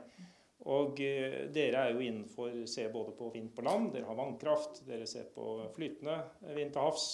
Hvor ser dere mulighetene eh, og de mest interessante sånn, eh, Jeg vet ikke om du kan si det, men sant, hva er det man titter på for å få til litt volumer eh, innenfor en rimelig tidsakse? da? Jeg tror du må ha en kombinasjon. Skal du få til volum, men jeg føler jeg repeterer meg sjøl, men fart er ekstremt viktig. Det, det tar tid. Uh, og så er jo finansmatematikerne mine veldig enig i at uh, jo sikrere cashflow, jo, jo lavere måte, prisnivå vil du ha. Uh, men om det er en CFD eller en annen form, så er det jo potensielt fortsatt en subsidie. men hvis da man tror at prisene går opp, så slipper man jo å dekke den CFD-en. men det vet man jo da heller ikke før man kommer dit, om det er en inntekt eller en kostnad. Ja, Mathilde?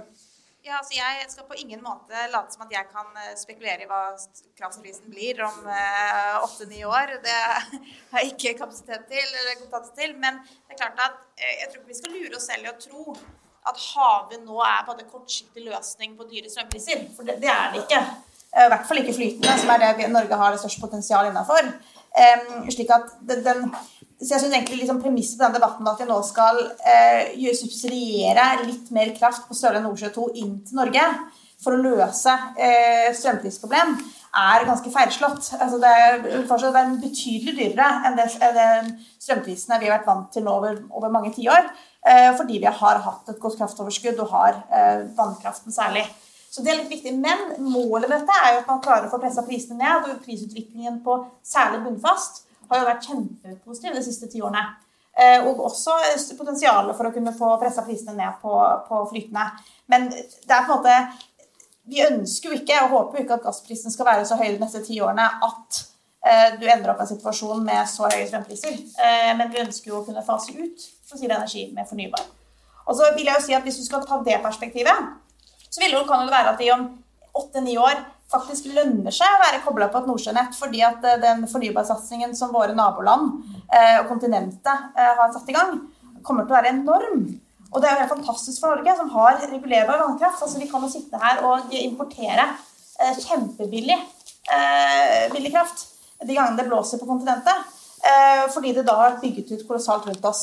Så det er, liksom, det er litt sånn om å gjøre å ha litt lengre perspektiv enn de siste fem månedene med, med høye strømpriser.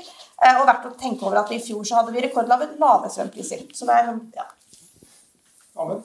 Ja, jeg, jeg synes jo, Det sies jo veldig mye fornuftig i, i denne debatten. Og, og, men, men, jeg tror det som er poenget, og det er jo helt riktig med å ha lange perspektiver, eh, sette mål. Det vi jobber med nå, er jo å se hvordan kan vi bygge havvindutviklingen videre. Noe starter vi med. det å det har vært veldig mye eh, målformulering og lite starting på en måte, i norsk havvind eh, så langt. Jeg tror det er viktig å, når vi ser, ok, Nå har vi vært gjennom en heisatur av en vinter. Det er trolig lurt å tenke seg om før man kobler Norge til andre markeder rundt oss, etter den erfaringen vi har hatt nå. Eh, og Så starter man da med å tekke det inn til radial. og så tror jeg liksom, Litt som Heikki inne på, altså dette kommer til å bli et, et subsidiesluk av annen verden. Så, altså det, for det første så tror jeg, det vet vi ikke.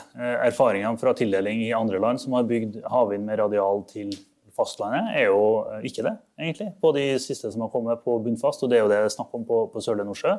Selvfølgelig så kan det bli billigere å bygge hybridkabler, og det må man jo uh, ta med seg, men det er jo noen som betaler det òg. Altså, det er jo ikke magiske penger som oppstår fordi du trekker en skjøteledning fra Norge til Storbritannia. Det er jo fordi at det er prisforskjell mellom det norske og det eh, britiske markedet. og Den prisforskjellen er noen som betaler og hentes ut av Statnett eller eier av kabelen i form av flaskehalsinntekter. Så jeg tror eh, jeg syns det er rart at man liksom fordi man skal tenke så langsiktig og ha så lange mål fram mot 2040 og 2050, som jeg tror er veldig fornuftig.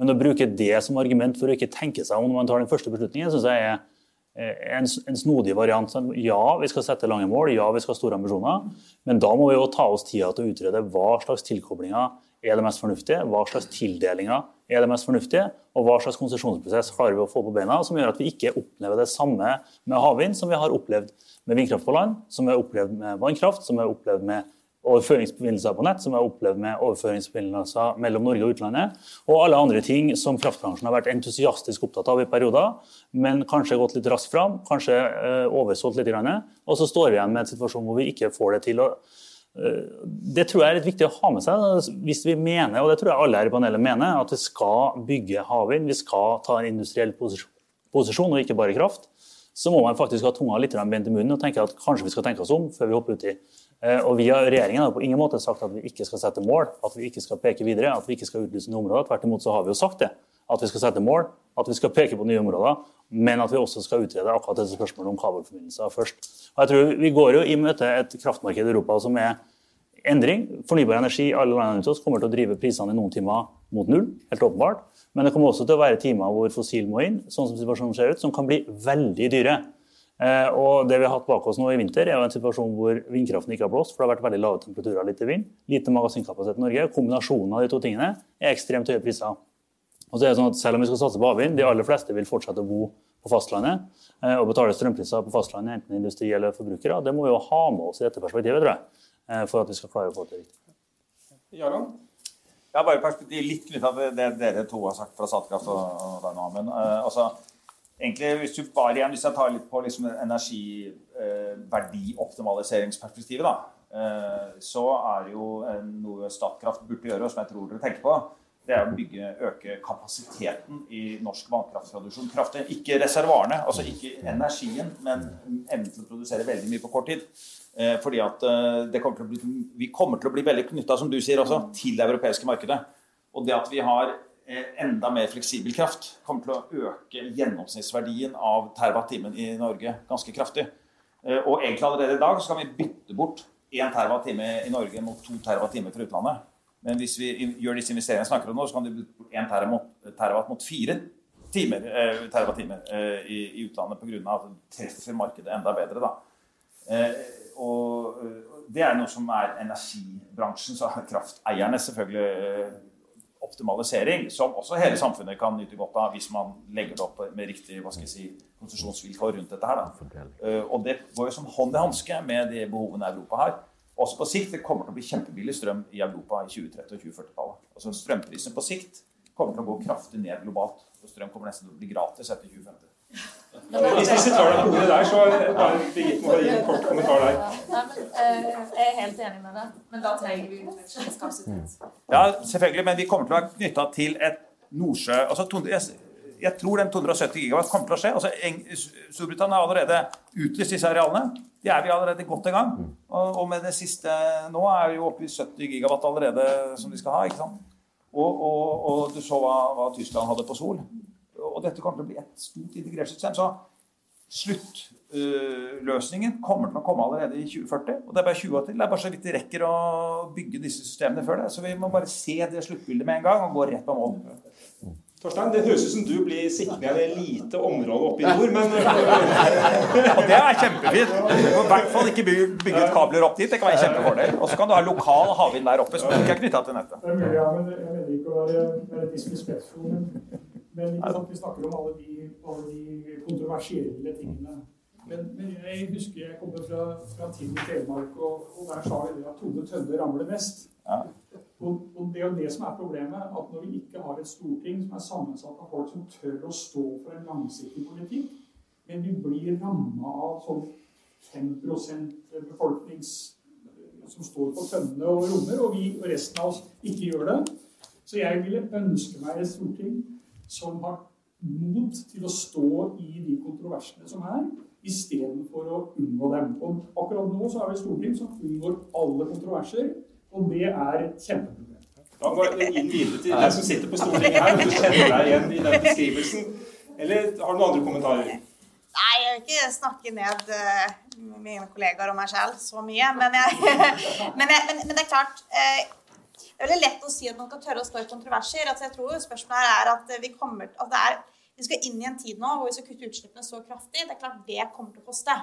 Um, det kommer til å bety at vi kan ikke bare stå i kontroverser, men faktisk løse det som er hverdagsutfordringen til folk, og kompensere folk for de endringene de ser, som rammer deres lommebok og deres hverdag, fordi vi skal gjennom en så stor omstilling. Sånn at eh, Stå i det er én ting, men selvfølgelig må man gjøre det når man først har bestemt seg. Eh, men man må samtidig være villig til å se ok, vi må finne helt andre måter å kompensere folk på enn vi har gjort til nå. Fordi det, være, fordi det er så store omveltninger. Skal vi kompensere verdens rikeste befolkning? Altså, hvis du øker CO2-avgiften til 2000 kroner, eh, som vi har foreslått frem mot 2030 det, er klart, det kommer til å ramme ikke bare, de, ikke bare den brede middelklassen, altså det kommer til å ramme veldig mange i Norge. Eh, jeg mener at det er helt riktig. Det er omfordeling, og det er det som er mitt poeng. Så at man må stå i det, men man også har omfordeling. Ja, og Det er jo en ting vi skal evaluere, fordi det er jo sosialt innretta, den strømstøtteordningen. Eh, det var en av de tingene som vi nå, jeg vet også at regjeringen ser på. er Hvis vi skal ha sånne type ordninger for å kompensere for ekstraordinære strømutgifter, da må det være mer sosialt innretta enn kanskje ordningen vi har hatt nå. Eh, den ordningen vi hadde nå, var ubyråkratisk, så vi har vært for den. Vi har vært for å forlenge den. Men igjen, det er ikke, det er ikke nødvendigvis det er den endelige løsningen på denne utfordringen. Amen.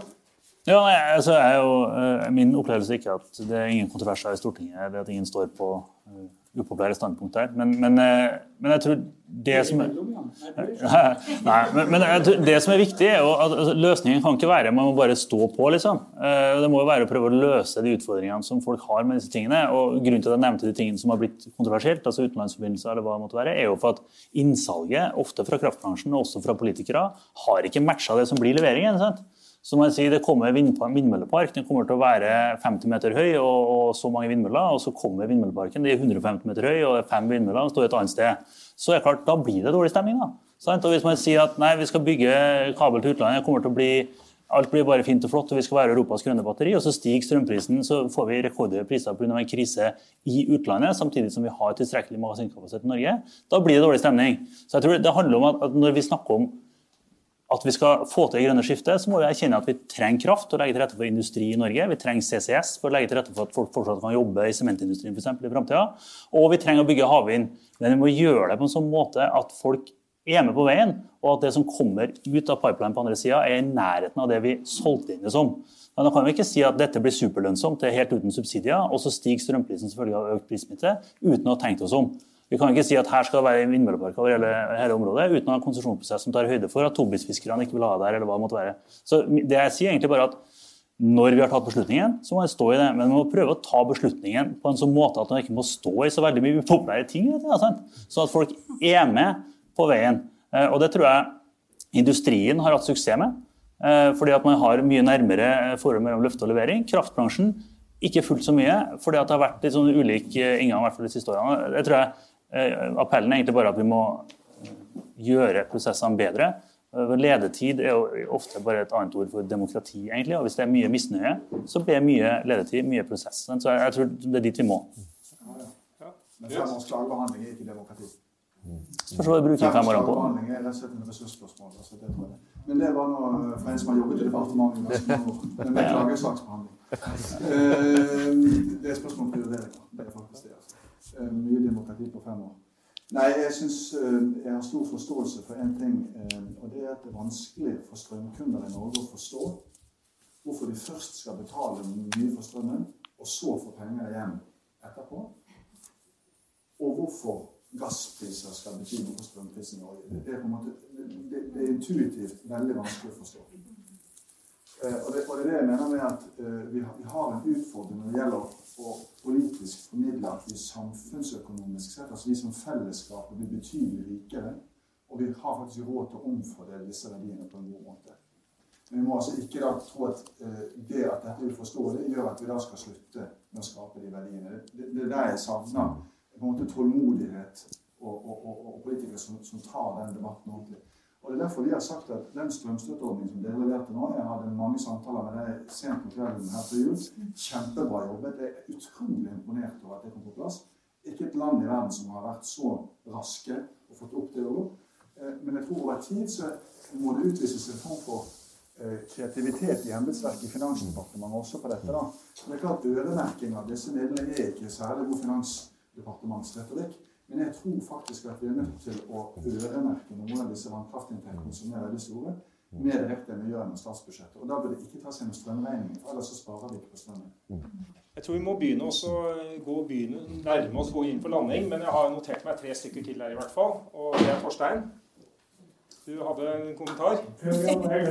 Ok, da går vi til Birgitte. Ja, nei, eh, vi kom veldig tilbake til vind- og planprosesser og sånn, men du spurte jo egentlig om klarer vi å kutte ja. 50% innen 2030. Um, og da tror jeg det er veldig viktig å uh, også gi ressurser til Statnett, NVE, for å få fart på, på nettutvikling. Uh, det er viktig å komme i gang med, med planprosesser, og det er viktig å få til ny industri. Norge har jo kutta veldig mye allerede, og skal vi klare å få det til, så må vi kutte på tvers av alt. Vi må kanskje elektrifisere Herøya. Vi må um, Vi jobber med et prosjekt i, i Mo der uh, du skal ha hydrogen uh, som reduksjonsmiddel for å, å smelte om armeringsstål. Du må gjøre alle disse tiltakene. Uh, de er ikke, det er ikke gitt at de er lønnsomme i dag, men det kan bli det. Da må du ha en CO2-avgift eh, det må koste noe for folk hvis du faktisk skal redusere forbruket. For det er jo det som er problemet når vi kompenserer eh, både strømpris, selv om det er riktig å gjøre det med de ekstreme prisene. Du får jo ikke spareinsentivet, reduksjonsinsentivet, og det samme på CO2. Så vi, vi, må være villige til å betale noe for å funde ny industri som faktisk kan ta ut de utslippene. Mathilde?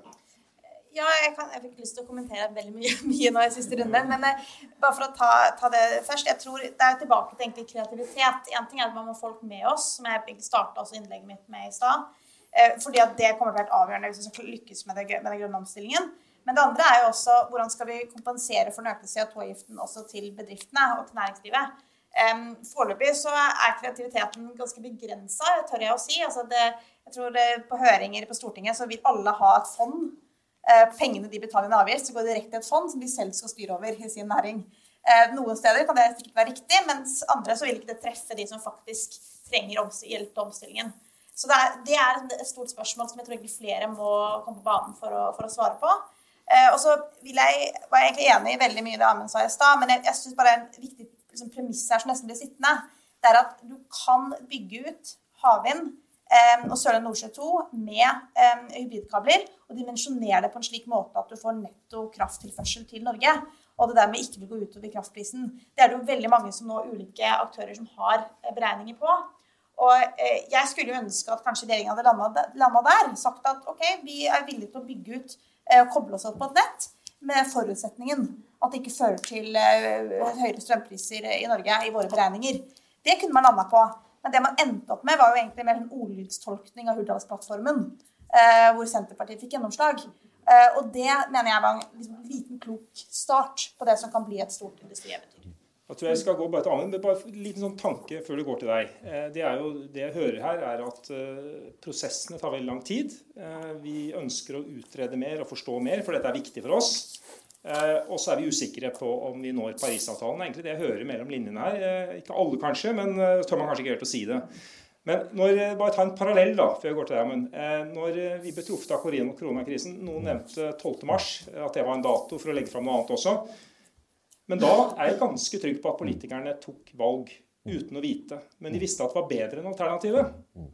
Som tvang dem til å ta et valg. Ser dere det bildet, Amund, i regjering?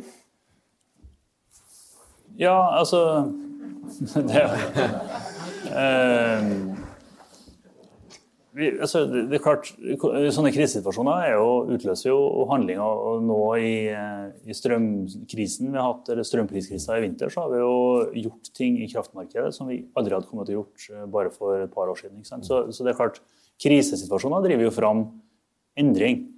Um, og, raskere, det ser vi på kontinentet nå. Det gjøres jo ting og grep, både geopolitisk posisjonering, men også energipolitiske endringer som aldri man kunne tenkt seg uh, bare for noen få måneder siden. egentlig. Uh, så krisa har jo stor, stor endringskraft i seg. Uh, og også klimakrisen har jo det. ikke sant? Men en, altså, jeg tror jo vi kan klare å nå klimamålene i 2030, men da må vi gjøre veldig mange ting. Og nå har vi diskutert denne debatten stort sett Eh, havvind som vil komme eh, mot slutten av dette tiåret, og i stor grad etter 2030, som det vi diskuterer. Så jeg tror liksom Man må jo se på hva trenger man for å nå klimamålene. Man trenger strøm, så man kan elektrifisere mange ting som i dag bruker fossilt brensel. Det er sokkelen, det er transportsektoren eh, og deler av industrien som utgjør mye av det. Og så trenger man CCS. Sånn at man både kan ta ned utslippene, sånn som her i Klemetsrud diskuterer det bystyret i dag, CCS-anlegget der ute. Bio-CCS, negative utslipp. Men også sånn at man kan ha industri i de landene som har klimapolitikk, som gjør at folk kan jobbe i industrien på land, også i klimavirkeligheten. Så, så Det er jo på en måte både så enkelt og så vanskelig at man trenger å elektrifisere, man trenger å rense utslipp. Eh, og, og, Det tror jeg vi, vi, har muligheter til å klare å få til i Norge. Eh, det står mye i Hurdalsplattformen om akkurat de tingene.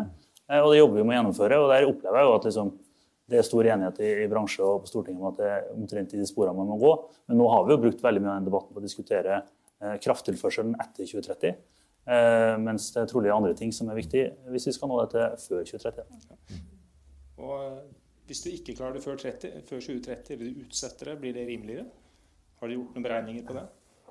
Altså, det, jo, det, dyreste i klimapolitikken er jo antageligvis å ikke gjøre noe. Sant? Og så, så, jeg tror man må gjøre så mye man får til hele tida for å få til klimautslippsreduksjoner. Enten det er eller havvind eller hva man måtte ønske. Men det er lurt trolig å, å tenke seg om først. Da tror jeg vi har vært gjennom panelet. Vi er nødt til å få litt tid med å få spørsmål fra salen. Så eh, da har vi, vi satt av fem minutter til det. Det er relativt kort. Men eh, vi starter med spørsmålene, vi. Samboer med gråtende barn hjemme. Ja, vær så god. Sitter på, på lang tid. Jeg har jobbet eh, tidligere i Yara med prosjektutvikling. Og det er et som jeg savner litt, som Torstein i og for seg har touchet inn på noen ganger. Og det er sett at jeg har eh, forutsetning for å bygge et prosjekt. Jeg trenger fire TWh for å bygge hydrogen. Jeg har finansiering, trenger alt.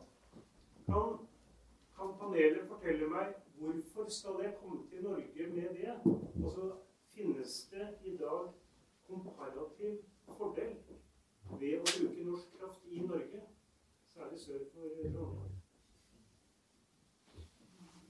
Vet ikke hvem av dere som å ta en Amund melder seg.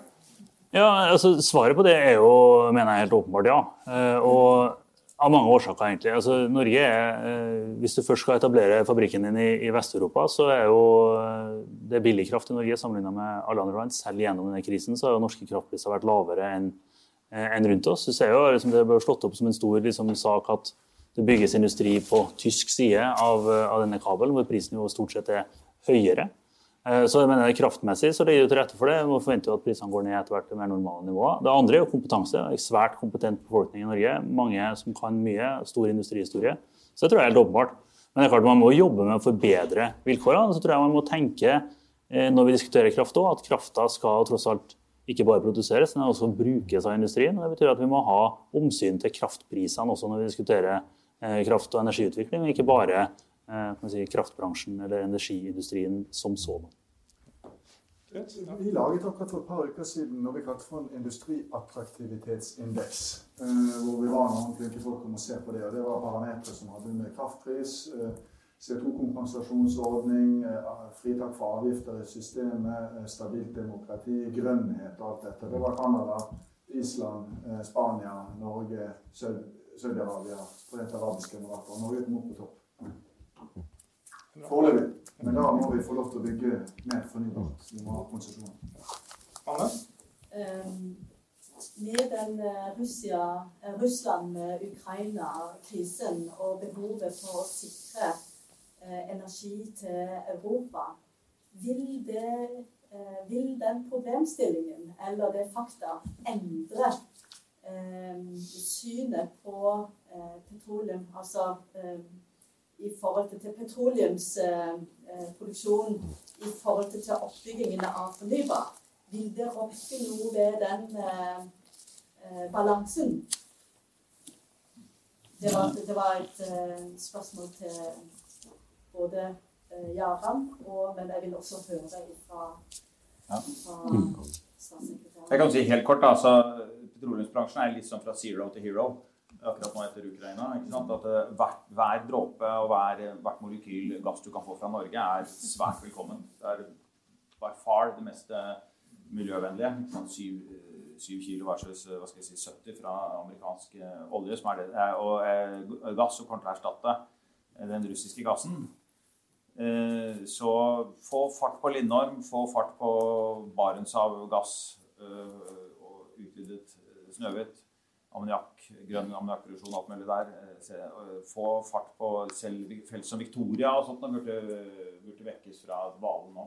Og nå har vi et vindu på 10-20 år på å produsere all denne gassen. Og gassen faller mye fortere i Norge nå etter disse prosjektene har kommet på, opp nå, enn selv de raskeste prognosene for fall av etterspørsel i Europa. Selv i et robustfullt, veldig grønt skifte konsistent med de scenarioene jeg har gitt, 1,6-gradersmålet osv., så, videre, så faller eh, norsk produksjon enda fortere. Så vi trenger hvert gassmolekyl. Så nærfeltsleting, altså alt som øker tempoet på dette, her bør vi nå bejuble. Da har jeg et oppfølgingsspørsmål i forhold til det. Og det er um, er, eh, av, regjeringene har jo uh, store ambisjoner om transformasjon eller av petroleumsindustri mot fornybar. Det krever ganske store investeringer og omstillinger fra den norske leverandørindustrien. Vil de være like gira på den omstillingen og investeringen når de kan fortsette i petroleum og, og få eh, gode marginer? Ja, Um, nei, altså, jeg er jo enig med det som, som Rystad sier. egentlig. Altså, det, det, er jo, nå er vi jo de mest attraktive i universet eh, i Europa. De trenger alle molekylene vi kan levere, og vil gjøre det videre. En endring som jeg tror kommer til å skje, er at selv om de er raske, raskere i omstillingen i Europa, de høye gasspriser driver jo fram det grønne skiftet også raskere enn det, eh, enn det som ellers ville vært tilfellet. Det tror jeg vi må ha med oss, selv om etterspørsel eh, altså, den er veldig mye tydeligere nå, etterspørselen, så vil jo også etterspørselen etter helt andre ting enn gass Eh, gå opp. sant? Eh, så, så, tror jeg at det gir jo trygghet for at vi må investere noe i gass i nye prosjekter. Og sørge for å holde oppe tida, altså oppe tida for norsk gassproduksjon. Det tror jeg er helt åpenbart viktig. Men så er det jo sånn at vil det endre omstillingstakta i næringen? Jeg, altså, alle prognoser viser et veldig bratt fall for norsk gassproduksjon etter 2030. Så jeg tror fordi Med samspill med myndigheter og selskap og andre, men så tror jeg likevel at at hvis man skal ha et langsiktig perspektiv på businessen sin, så må man også se etter nye områder å være i. Simpelthen fordi at aktiviteten vil gå såpass mye ned etter 2030 og fram mot 2040, eh, selv om vi skulle gjøre ganske store funn i årene som kommer. Og det bør vi prøve å gjøre likevel. Et eh, spørsmål fra salen her. Ja, Jeg jobber med geotermisk energi, dype energiområder. Eh, og, og, vi har sett en utvikling innen altså Vi ser på energimarkedet som det består veldig mye av strøm, men det består også i Norge av rundt 50% av den elektrisiteten vi bruker, går til oppvarming. Hvis vi regner på hvordan vi kan bruke varmen som vi finner oss rett under beina våre, eh, kombinert med energieffektivisering, som Heikki var inne på, og sol, så er dette lavthengende frukter som henger rett foran nesa vår, og med moden teknologi. Du kan også produsere varme som kan erstatte rundt 33 terawatt-timer strøm i dag. Og Jeg bare ønsker noen synspunkter for dette. her, for Geotermi er ikke i debatten, og det er en opplagt energikilde som man bør ta mye mer inn i uh, energidebatten i dag. Bare helt enig. Ja, Garan hadde jo det punktet, men det var ikke i debatten. Nei. Nei. Kjempepoeng. Og det er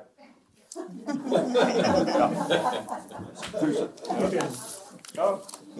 ja. Torstein, du var helt enig. Ja. Du får støtte her. Ja. Er det noen flere ting vi skal ha løst sånn, eller ha spørsmål om? Så har vi muligheten. Ja.